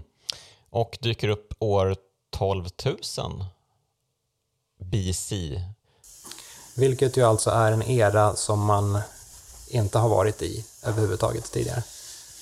Ja, och det här verkar ju vara den mest, eh, vad ska vi säga, den mest eh, avancerade eran eh, av alla.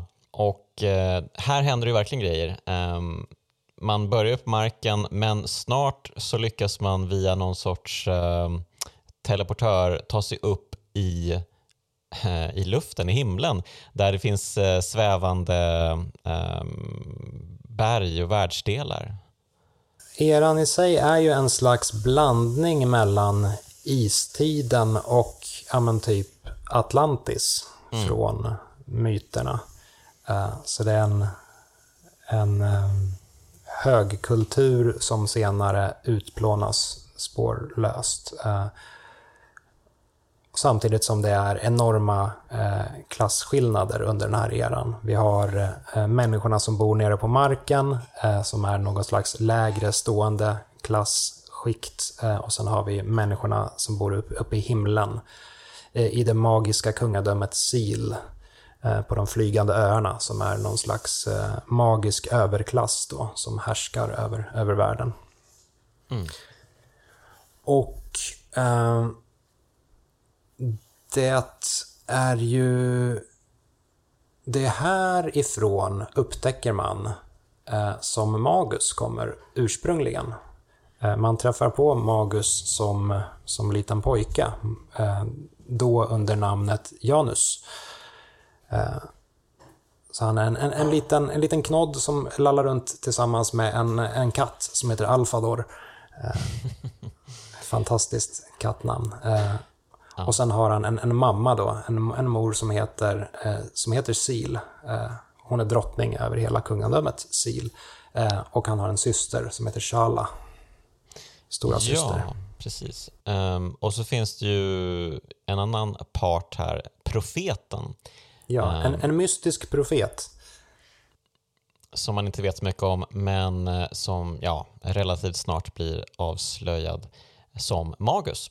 För det ja, här den, han, den, vuxna Magus. Den vuxna Magus. Det här han dök upp när de tidsteleporterades från år 600. Men, eh, och så finns det ju en annan kille som heter Dalton också som dyker upp som någon sorts här miniboss, eh, återkommande eh, svin typ. ja, han är lite flummig. Mm. Eh, kanske inte en av de eh, bästa karaktärerna i spelet. Han, han, är ju lite så här på gränsen till comic relief. Han är så ond att, han, att det blir komiskt. Mm. Eh, och han har väl ingen jättedjup agenda mer än att så här, haha, jag ska sno era saker, jag ska härska överallt. ja, nej, han är faktiskt uh, uruselt skriven skulle jag säga. Uh, men, uh, men, ja, ja. Han, han, he serves a purpose I guess. Ja. En, en detalj dock som jag verkligen uppskattar med hela SIL, det är faktumet att eh, drottningen Eh, har ett, ett under, vad säger man, ett undervattenspalats som heter Ocean Palace. Eh, och man, man har upptäckt att Lavos existerar eh, djupt nere under, mm. under jordskorpan. och man försöker använda sig av Lavos energier. man försöker ja, sno Lavos energi helt enkelt. och det, jag bara faktumet att Lavos existerar i alla dessa tidsåldrar, att man alltid återknyter till Lavos, eh, gör att Lavos framstår som så liksom, ja, men, tidlöst mäktig på något sätt. Lavos, Lavos har alltid funnits där och Lavos kommer alltid existera. Lavos mm. är någon slags konstant i den här världen. Eh, på, ja. ett, på ett väldigt kusligt men samtidigt episkt sätt. Ja, ehm, det verkar ju som att man kunnat använda röda bitar från kometen, eh, antar jag, för att skapa det här märkliga ehm, flygande samhället. Ehm, jag fick intrycket av det i alla fall. Um, men, och, och, den här, de har ju liksom byggt en, en maskin för att eh, kanalisera Lavos kraft som de kallar för The Mammon Machine. Mm. Vilket jag antar är någon sorts kritik mot konsumtionssamhället eller någonting. Uh, för mammon är ju liksom, det är ju pengar um, i, i, i vår värld. Um, det är ju den guden vi alla tillber. Uh, men här tillber de Lavos kraft och det de kan ge dem uh, evigt liv finns mm. inom räckhåll. Um, så att, uh, ja, det kanske finns någon läsning att göra här.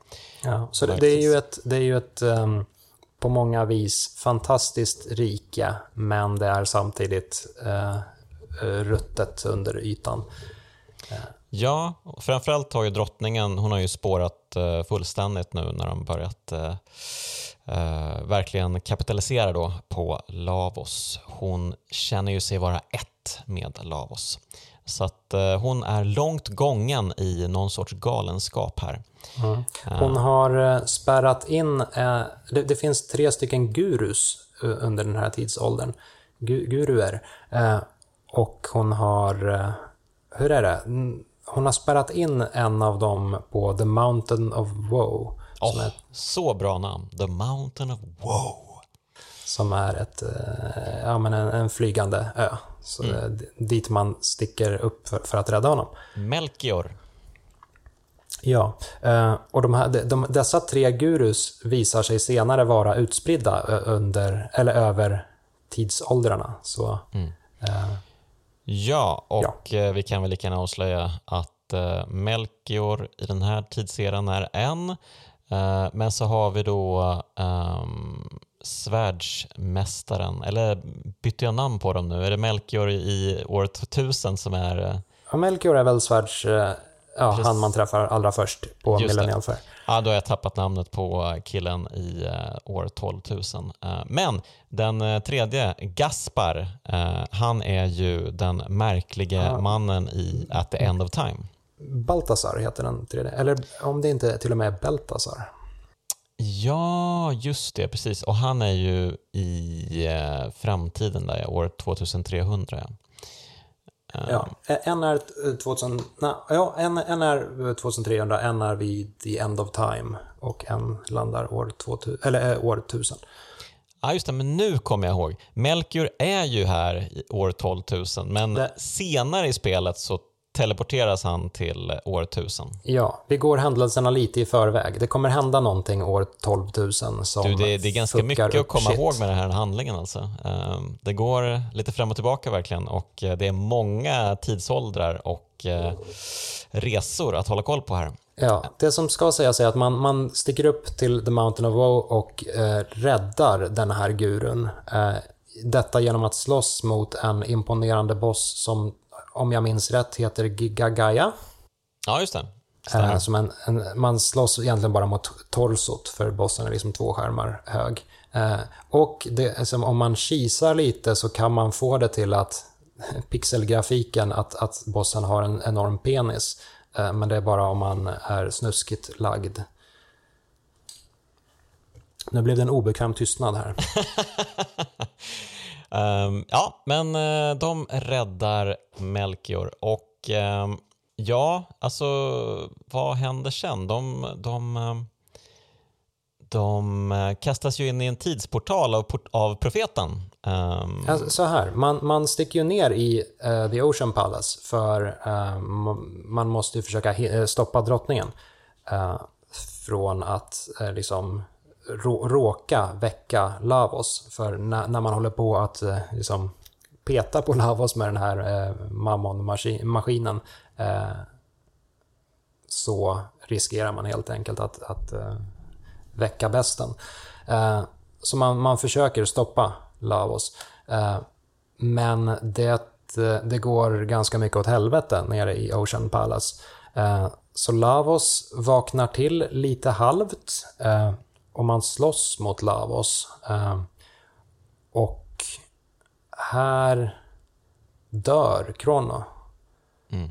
Eh, så det, det, det, är ganska mycket som händer på kort tid. Krono dör i striden mot Lavos. Eh, profeten, tidigare nämnda profeten, av vad säger man, avmaskar sig, säger man inte, det gör man med katter. Eh, han tar av sig sin huva kort och gott och eh, visar sig vara Magus. Och då, då framgår det att eh, Magus och den här pojken Janus är samma person. Eh, mm. och att eh, Magus lever för att hämnas på Lavos. För ironiskt nog det som precis kommer att hända. För det som händer är att, eh, att profi- eller gurusarna, dessa tre gurus skickas eh, ut, ut ur den här tidsåldern. Janus själv skickas ut ur den här tidsåldern eh, och landar år 600 där han växer upp till att bli Magus. Eh, och Krono dör som sagt. Eh, Janus syster Shala eh, med sina sista krafter eh, räddar resten av gänget genom att eh, teleportera bort dem från Ocean Palace. Eh, och mm. Ma Magus vaknar, eller vad säger jag, Lavos vaknar som sagt lite halvt upp. Eh, tillräckligt mycket för att liksom spränga bort hela Sil-kungadömet ur skyarna. Eh, och eh, ja, men, förintar det magiska kungadömet Sil. Eh, återigen, om man ska dra paralleller så kan man ju dra paralleller till, till Atlantis eh, då. Eh. Ja, det dyker upp en mäktig flodvåg också som svämmar över världen så att det är ju verkligen Atlantis-vibbar här.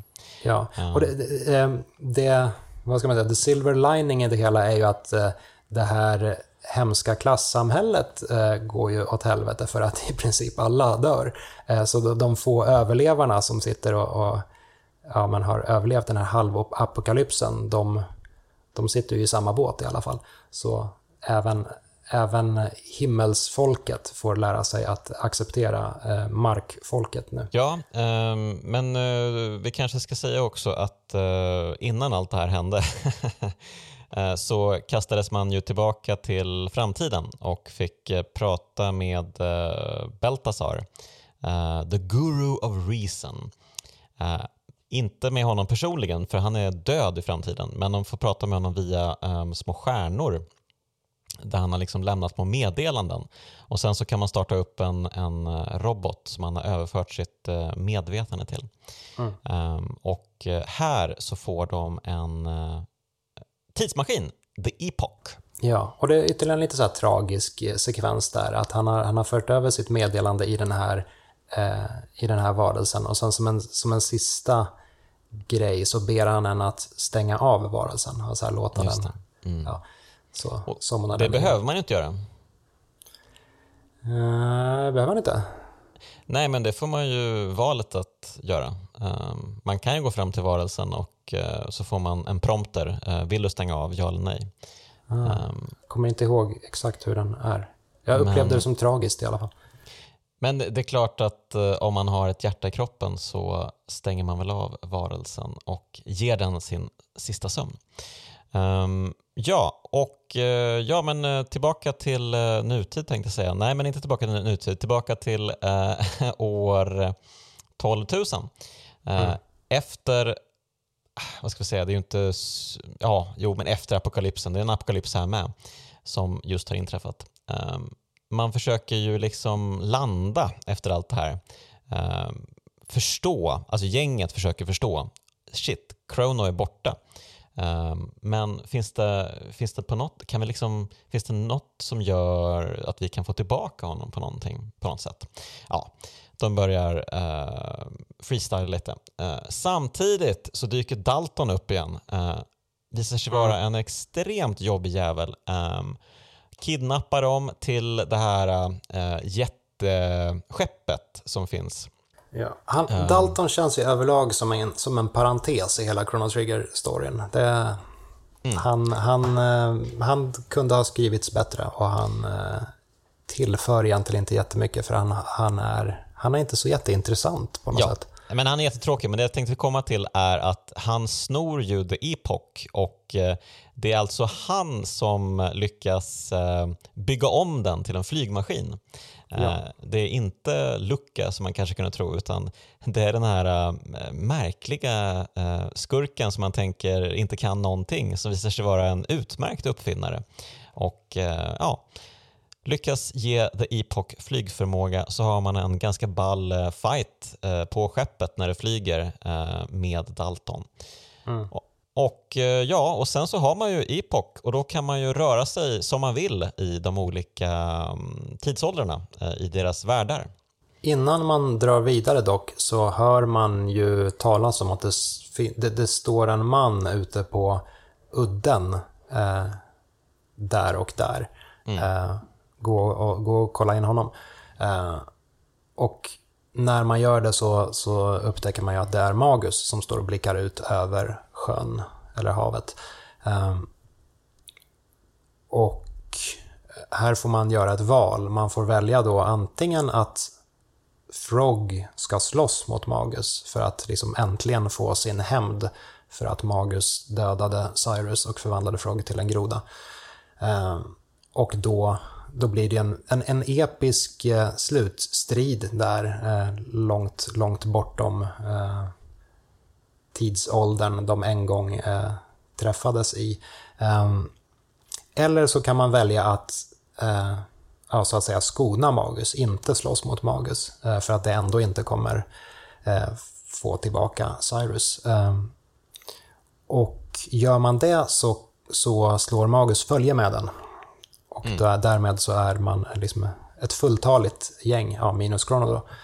Eh, men han är den, den sista karaktären som ansluter sig till gänget. Ja, precis. Ehm, och eh, Magus har ju ett hett tips. Eh, åk tillbaka till the end of time, snacka med Gaspar. Han har koll på läget, han vet hur vi ska kunna rädda Chrono. Um, så att sagt och gjort, man drar tillbaka till honom um, och Och eh, ja, man får ju The Chrono Trigger nu. Woohoo! Mm. Det... Uh, you shall be the fellowship of the ring. Uh, det känns lite påklistrat.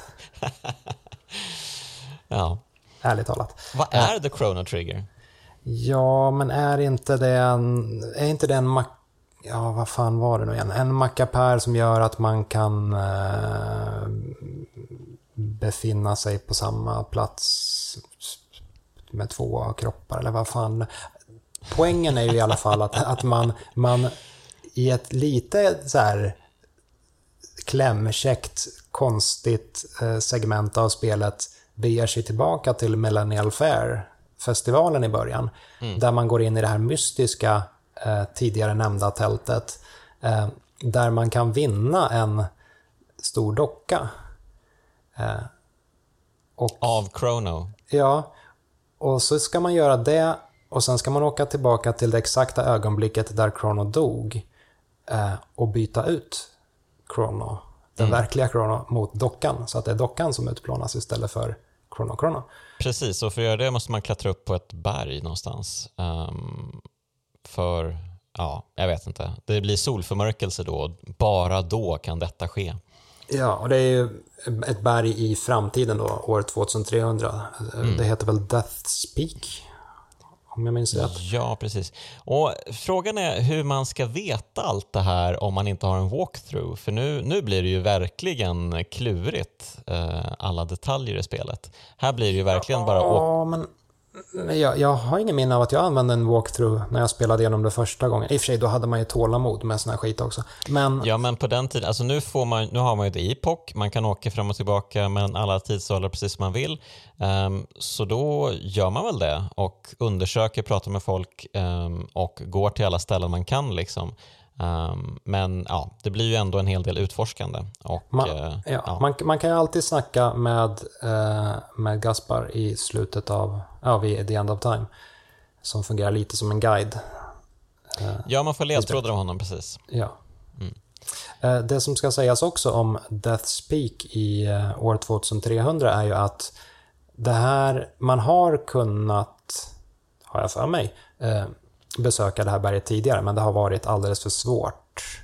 Nej, just det, det, det blåser för mycket så man kommer inte upp på det. Så just var det, nog. det, det berget, just det. Mm. Ja. Men i alla fall, berget i sig befolkas delvis av Lavos äh, yngel, vilket är en, äh, en ytterligare en detalj jag, jag gillar med bara hela, hela konceptet Lavos. Att när Lavos mm. väl nu har utplånat världen, äh, för det, Lavos drivkraft är ju att liksom ta över en planet, suga ut ur dess energi, manipulera liksom, eh, invånarnas eh, evolution och ja, men, ta livet från en planet och sen yngla av sig och sen sprida sig vidare till nya planeter.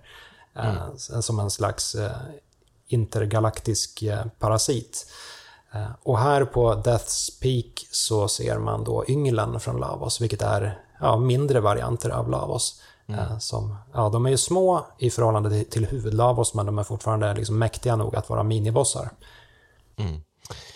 Uh, yes, men uh, ja, och Chrono räddad då. Uh, man har bytt ut Chrono i dödsögonblicket mot den här dockan.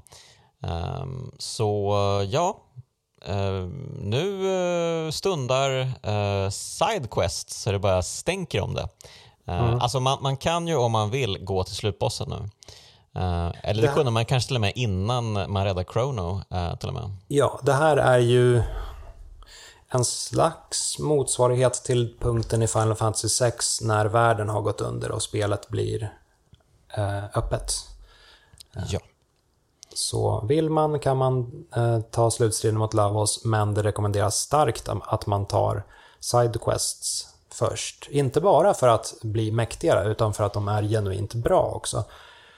Eh. Ja, precis. Vi kan, det är jättekul. Vad, vilken är din favorit av de här Sidequesten?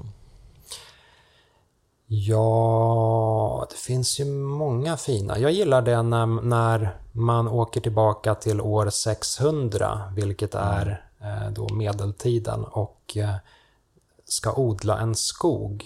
Mm. Eh, man ska återställa en öken så att den blir en skog. Och det här gör man genom att lämna kvar Robo som liksom agerar skördetröska och fågelskrämma och går och så här strör ut eh, frön och grejer eh, under 400 års tid. Eh, och sen kommer man tillbaka då eh, 400 år senare eh, och hämtar upp den rostiga gamla robokroppen. Eh, mm. Som fortfarande, Robo lever ju fortfarande.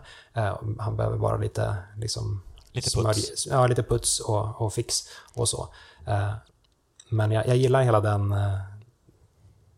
Eh, tekniken att lämna kvar dem i 400 år. Och sen medan man, alltså e-, efteråt så um, samlas man kring, kring en lägereld också, hela gänget. För Robo ja, men det, det är ju har, kanske spelets bästa scen. Ja, Robo har hunnit klura lite under de här 400 åren som han har varit skördetröska och eh, eh, så sitter man och diskuterar runt, runt en väldigt, väldigt mysig lägereld. Det är kanske den mest ikoniska lägerelds scenen under hela 16-bits-eran.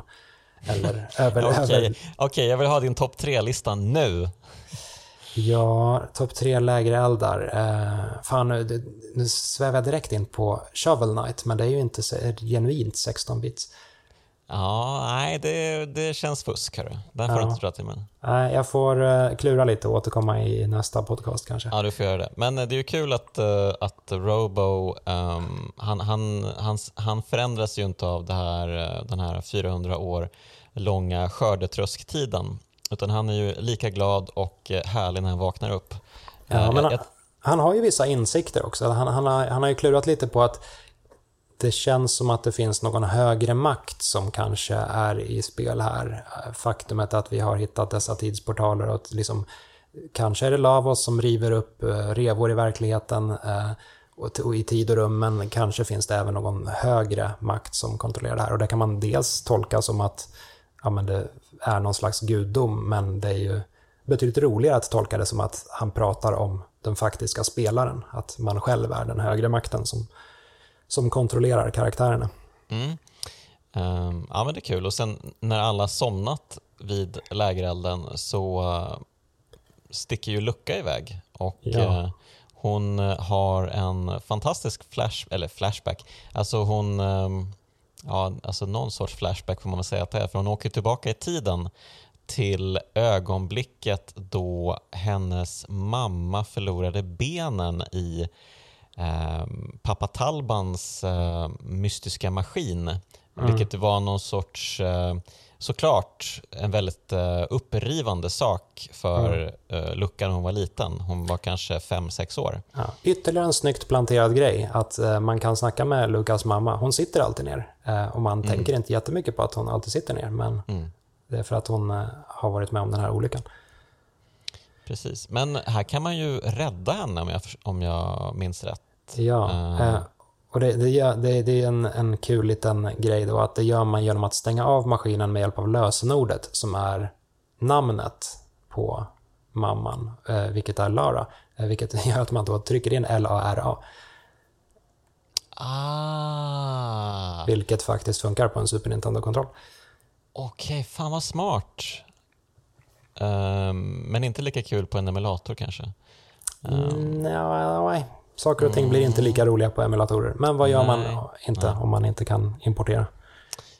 Ja, ja, det är ju faktiskt en jättekul detalj. Um, och ja, men eh, en liten tidsparadox där kanske. Får man, får man uh, förändra sådär? Uh, ja, uppenbarligen. Det gör de ja, hela tiden. När, när det blir fina scener av det hela.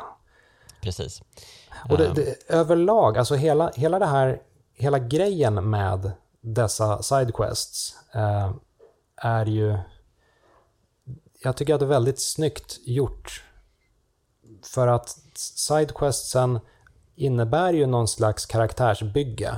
Så man kan gå in på lite mer på djupet med var och en av dessa eh, karaktärer. Men det här gör man utan, alltså i och med att det är frivilligt så gör man det utan att det liksom grötar sönder själva huvudstoryn. Eh, I ja, vissa andra japanska rollspel, för att kanske inte säga merparten av alla andra japanska rollspel, så, så tvingas man ofta på liksom onödigt mycket info om, om karaktärerna och deras relationer och de maler på och sådär. Här, här hålls det på en sansad nivå tack vare Sidequesten. Ja, eh, exposition eh, som eh, liksom pratas av karaktärer är det faktiskt ganska lite av just den varan i Chrono Trigger. Eh, man gör saker istället, eh, vilket är väldigt trevligt. Men eh, precis, man gör ju en, en rad olika sidequests. Uh, apropå år 600 så kan man ju fightas mot uh, Slash, Flea och Ozzy igen. De har skapat ett eget uh, League of Extraordinary Villains typ um, och ett eget skurkslott som man kan besöka. Um, ja, det är väl inte den roligaste sidequesten men ja. Ehm, ja, det finns massor man kan göra helt enkelt ehm, och eh, utveckla sina karaktärers ehm, olika historier och så. Eh, det är väl också fint, eh, Frog såklart, han kan få prata med Cyrus spöke i sin sidequest och på något sätt ja, men, få frid i sinne att ja, jag gör det rätta nu. Cyrus är med mig, helt enkelt. Men eh, ja, eh, är det något mer vi behöver ta upp innan vi kastar oss över slutstriden? Mm, ja, inte egentligen. Det finns ju vissa saker som sker efter slutstriden som jag skulle vilja snudda vid. Men mm.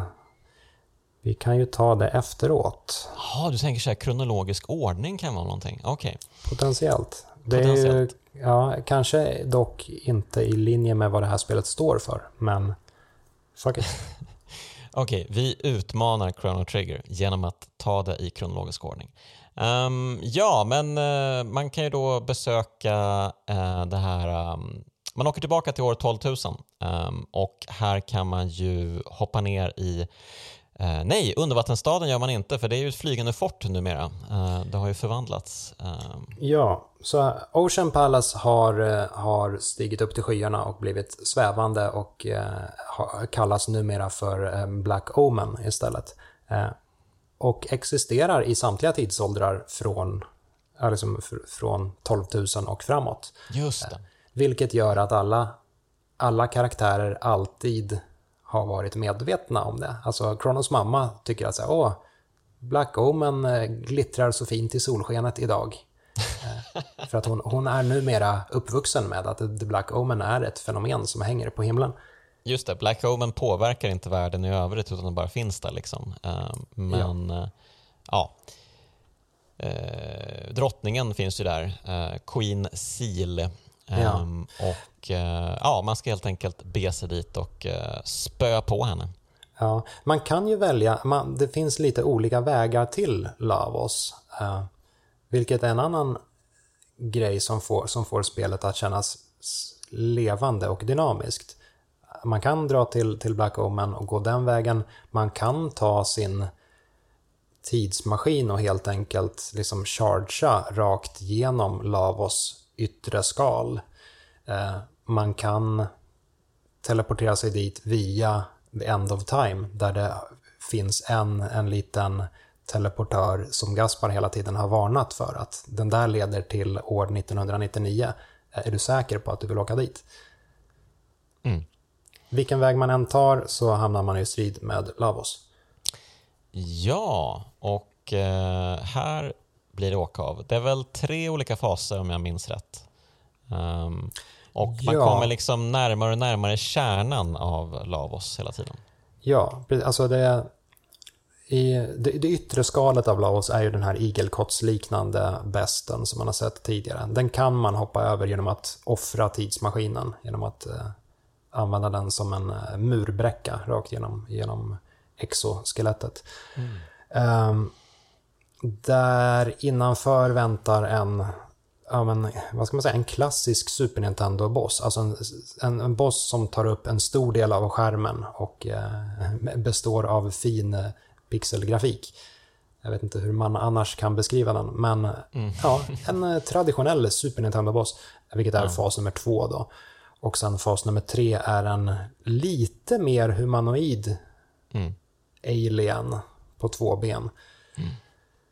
Ja, men precis. En mer klassisk utomjording i pansar typ. Ja. kan man beskriva honom som. Ja. Tyvärr så får man ju säga att Lavos blir fånigare och fånigare. Eh, jag har alltid älskat faktumet att Lavos liksom är just en apokalyptisk igelkott eh, av gigantiska proportioner. Eh, jag tycker inte att en liten utomjording i, i rustning är lika coolt. Nej, det är sant. Det, det blir sämre och sämre. Um, absolut. Men eh, som sig bör så vinner man och eh, beroende på hur det har gått för en så antar jag att man får lite olika slut eh, här också. Ja, det är det här är, är, det är en av sakerna jag skulle vilja komma till eh, efter, efter slutstriden. Då. Chrono Trigger har ju ett antal olika slut. Jag tror att det är 12 stycken. Ehm, och det, på, lite på samma sätt som egentligen som Sidequestsen bygger upp eh, karaktärerna utan att liksom tvinga på allt för mycket information på spelaren, eh, så bygger de här multipla sluten upp världen på ett sätt som känns liksom mer som ett kul litet letande och att man upptäcker något nytt snarare än att man bara får en eh, exposition, exposition dump i eh, ansiktet. Ja, just det. Precis. Um, vilket är det sämsta slutet? Vad händer då? Det eh, går ju att klara spelet utan att återuppliva Chrono till exempel. Ah, eh, det. Men, men det hålls ändå ganska lyckligt för då, då antyds det att eh, resten av gänget liksom har kommit, kommit in på rätt spår och sätter iväg för att rädda Chrono. Sen finns det ett annat slut som går ut, som är ja, snudd på skämtslut. Det är ju lite ufo-slut från Silent Hill-varning. Mm -hmm. För övrigt ett spel man borde snacka om i, i podcasten framöver om man får önska sig en säsong fyra. Mm, kanske kommer, kanske kommer. Kanske, kanske. Nej, men det finns ett, ett eh, skämtslut, eller slash hemligt slut, när man träffar på utvecklingsteamet. När de eh, springer runt och eh, har ett litet hemligt rum där de mest tackar för att man spelade deras spel.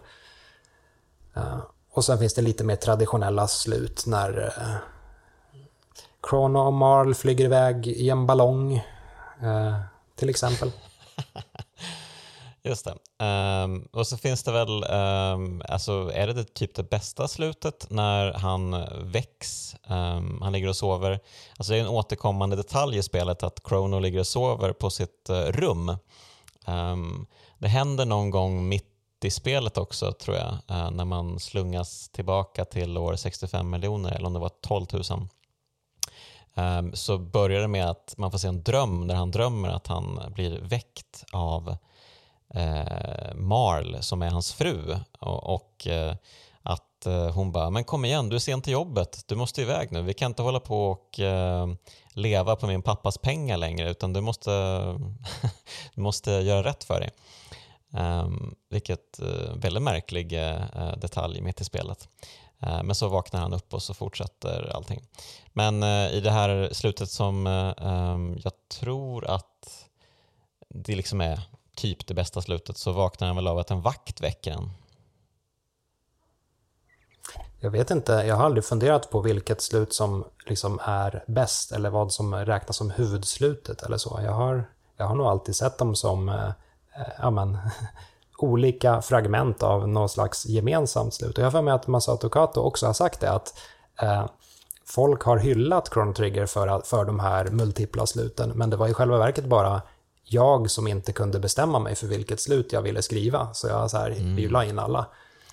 Ja, men it makes sense på något sätt. Um, när det ändå handlar om tid så mycket. Um. Ja. Och uh, en väldigt viktig sak att nämna här är ju att när man har klarat spelet så låser man upp New Game Plus. Uh, vilket är ett spelläge när man får börja om från början i spelet men man får behålla sina levels. Mm. Uh, och det här är ju någonting som många spel gör nu för tiden. Så här, jag vet inte vad. Eh, Dark Souls gör det. Mm. Nu tog jag bara ett av massor med exempel. Men jag har inget jättestarkt minne av att jag någonsin hade spelat något spel som gjorde det här innan Chrono Trigger. Jag skulle bli väldigt förvånad om Chrono Trigger är spelet, det första spelet som introducerade det här. Förmodligen så går det här längre bakåt i tiden och det finns något obskyrt spel på typ tidigt 80-tal som introducerade New Game Plus. Men mm. Chrono Trigger gjorde det och det gör det väldigt, väldigt bra. För New Game Plus knyter ihop lite med det här med multipla slut. Um, första varvet genom Chrono Trigger, då är det ju i princip omöjligt att spöa Lavos annat än i det absoluta slutskedet av spelet, för man är mm. underlevlad. Mm. När man kör New Game Plus däremot, då kan man använda sig av den här, eh, den här lilla eh, portalen i The End of Time för att besegra Lavos vid olika skeenden genom handlingen. Mm. Eh, och lite beroende på vilken tidpunkt man väljer att besegra Lavos i så kan det leda ut till olika slut. Till exempel om man besegrar Lavos innan Reptites dör ut till exempel så har jag för mig att Reptites helt enkelt blir den, den dominerande rasen på planeten. Och så, så, okay, så blir det cool. Reptite-universumet istället. Okej, okay, vilken grej. Ah, ja, men slutet jag tänker på, eh, då blir han väckt av en vakt eh, och vakten öppnar gardinerna och jag blir glad. vilken funktion! Ah, underbart. Um, och uh, de släpar med sig Chrono. Det har blivit rättegång igen. Han är åtalad. Åh, oh, du din skurk. Nej, det blir inte riktigt rättegång utan Eh, det visar sig vara kungen som bara eh, busar lite med honom. Han är jätteglad för att eh, Chrono och company har räddat världen. Ehm, och så blir det en ny fin festival. alla skruttar runt och har det jättetrevligt och Åh, det blir så tårfyllt. He hela gänget, alla återgår till sina olika tidsåldrar ehm, för att, ja, det var ju där de hörde hemma. Eh, även om man kan tycka att eh, de hör hemma med varandra nu istället. Eh, ja. Men ja, det är viktigt att det måste finnas ett bitterljuvt element, antar jag. Och ja, så är det nog. Ehm, men varför måste Robo åka tillbaka till framtiden kan man fråga sig. Ehm, han kanske inte ens existerar där. Nej, och det som, alltså vad har han i framtiden? Han har, Eh, hans vänner är döda efter att ha pucklat på honom. Hans flickvän är död efter att ha pucklat på honom. Hans kind of mamma är död efter att ha pucklat på honom. Eh, han har väl de miserabla människorna i smutsiga filtar och Elvis-roboten. Ja, men om man dödat Lavos innan Lavos eh, förstör världen år 1999 så borde väl det inte finnas någon apokalyps? Robo borde upphöra att existera, men det är ju, alltså, det, det är ju problemet med tidsresor. Tidsresor mm. slår ju knut på sig själva. Alla dessa det, paradoxer. Det ska ju dock sägas att Robo är en av få karaktärer som faktiskt har ett väldigt tydligt uttalat slut. Eh, och det är i semi-uppföljaren Chrono Cross till Playstation från 99. Eh, där det nämns att eh, ja, tyvärr så gick han ju en, en gruvlig död till mötes även där. Eh, Robo heter Prometheus i själva verket eh, och eh, Prometheus blev, vad är det, han blev ombyggd till någon Prometheus Circuit som användes i någon dator eh, och som ja, helt enkelt suddas ut, delitas av någon form av skurk. Jag kommer inte ihåg exakt det exakta händelseförloppet. Jag har inte spelat Chrono Cross sen Dackefejden. Men Chrono, eller Robo dör i alla fall i uppföljaren. Aj då. Um, ja, och uh, tanken är ju att uh, Marl, Lucka och Chrono, som alla hör hemma år 1000 AD, uh, de tänker ju avveckla uh, The Epoch och sluta med tidsresor men tack och lov så dyker ju mamma Chrono och kissen som hette Kronos katt har ingen, inget namn mig veterligen. Magus slash Janus katt heter Alfador däremot. Mycket dåligt att uh, Kronos katt inte har ett namn. Men hur som helst då. Mamma och katten de springer in i ett tidshål och försvinner. och gänget blir ju jätteglada för nu får de fortsätta äventyra. Roads, where we're going, we don't need roads. Ja, man väntade lite på den faktiskt, men så långt gick de inte. Uh, ja, men uh, vilket uh, mysigt och upplyftande kraftspel. Ja, som sagt, Chrono Trigger släppte, alltså när Chrono Trigger släpptes 95, då, då det släpptes ju aldrig i, i Europa. Ehm, det översattes och släpptes i USA, men det kom aldrig hit till Sverige. Ehm, då i alla fall. Sen kom det en Playstation-version 99 som lade till animerade mellansekvenser och som typ tyvärr hade laddningstider och skit. Eh, som, jag tror inte att den heller kom hit till Europa. Däremot så kom det en DS-version hit 2009. Eh, vilket mig veterligen var den första officiella liksom, svenska releasen av Chrono Trigger. Och som, som lyckligtvis är någon slags ultimat utgåva av spelet. För det har, liksom, det har allt som originalspelet har. Det har mellansekvenserna som lades till i Playstation-versionen, men det lider inte av eh, några laddningstider. Så det är en, en stabil version som alla med en DS bör spela. Och det är även en version som man tycker borde kunna gå att tweakas lite och typ släppa till Switch. Eller motsvarande. Släpp Chrono Trigger igen för fan. Ja. Men eh, oj, jag, jag, känner mig eh, väldigt mör måste jag säga och det är väldigt varmt här. Eh, jag försöker samla tankarna men det kanske inte jag ska göra utan det kanske du ska göra. Eh, varför tycker du att eh, Chrono Trigger är ett kraftspel? Jag snuddade ju vid det tidigare att Chrono Trigger balanserar väldigt, väldigt bra på gränsen mellan det förenkla och det, för, det, det komplicerade. Det, och det, det, gör det på så många olika punkter. Det, det har liksom avskalad men precis lagom eh, avancerad story. Eh, storyn handlar ju egentligen bara om tidsresor, eh, men den, den känns inte banal utan den är, den är nice. Det har liksom precis lagom enkel och tydlig grafik. Grafiken är skitsnygg, men den är, den är i och med att den är Akira Toriyama-designad så är ju karaktärerna väldigt ja, men just tydliga.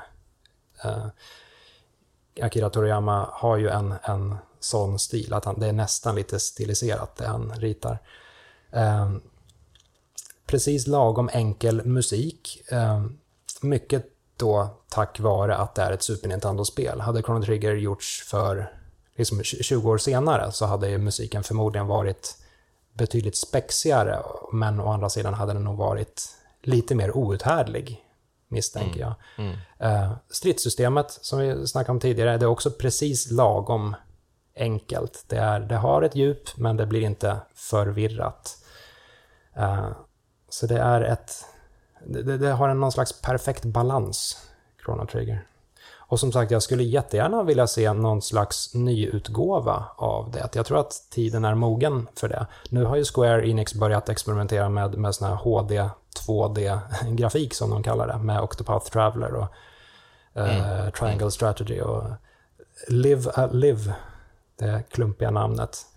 Uh, och så. Jag mm. släpp Chrono Trigger med en sån grafik så tror jag att det skulle bli jätteuppskattat. Uh, och det, det, skulle passa jättebra ihop med moderna achievement-system eller, eller för den delen om man, om man tar lite inspiration från det här Detroit-spelet, alltså spelet, David Cages spel. David mm. Cage är ju kanske inte den perfekta ultimata spelskaparen, men Detroit hade vissa detaljer som man skulle kunna sno av. Det här med multipla slut till exempel. Gör det, bygg om de multipla sluten i Chrono Trigger till någon slags eh, eh, gotta catch em all achievement-grejen när man får små belöningar av att, av att ta olika slut. Skulle jag, skulle jag uh, absolut uppskatta och spela om Chrono Trigger för. Mm. Nu spretar jag iväg mycket. Det är ett balanserat spel kan vi sammanfatta det hela med. Okej, okay, jag, klipper, jag klipper bort allt det andra och behåller det där. det är bra. Ja, det är bra. Okej, okay. Ehm, kort och koncist. Det blev väl runt två timmar då? Det blev väl runt två timmar, ja precis. Um, jag kanske kan klippa till det så att det hamnar på en timme och 59 minuter. Vi får se. Uh, men hur som helst, tack Viktor för att du var med i Kraftspelen igen. Tack själv. Och eh, tack ska du ha som har lyssnat på Kraftspelen. Eh, och även ett stort tack till de finfina Bitpop-pojkarna i eh, bandet 047 som gör Kraftspelens signaturmelodi. Hörrni, vi hörs igen nästa vecka.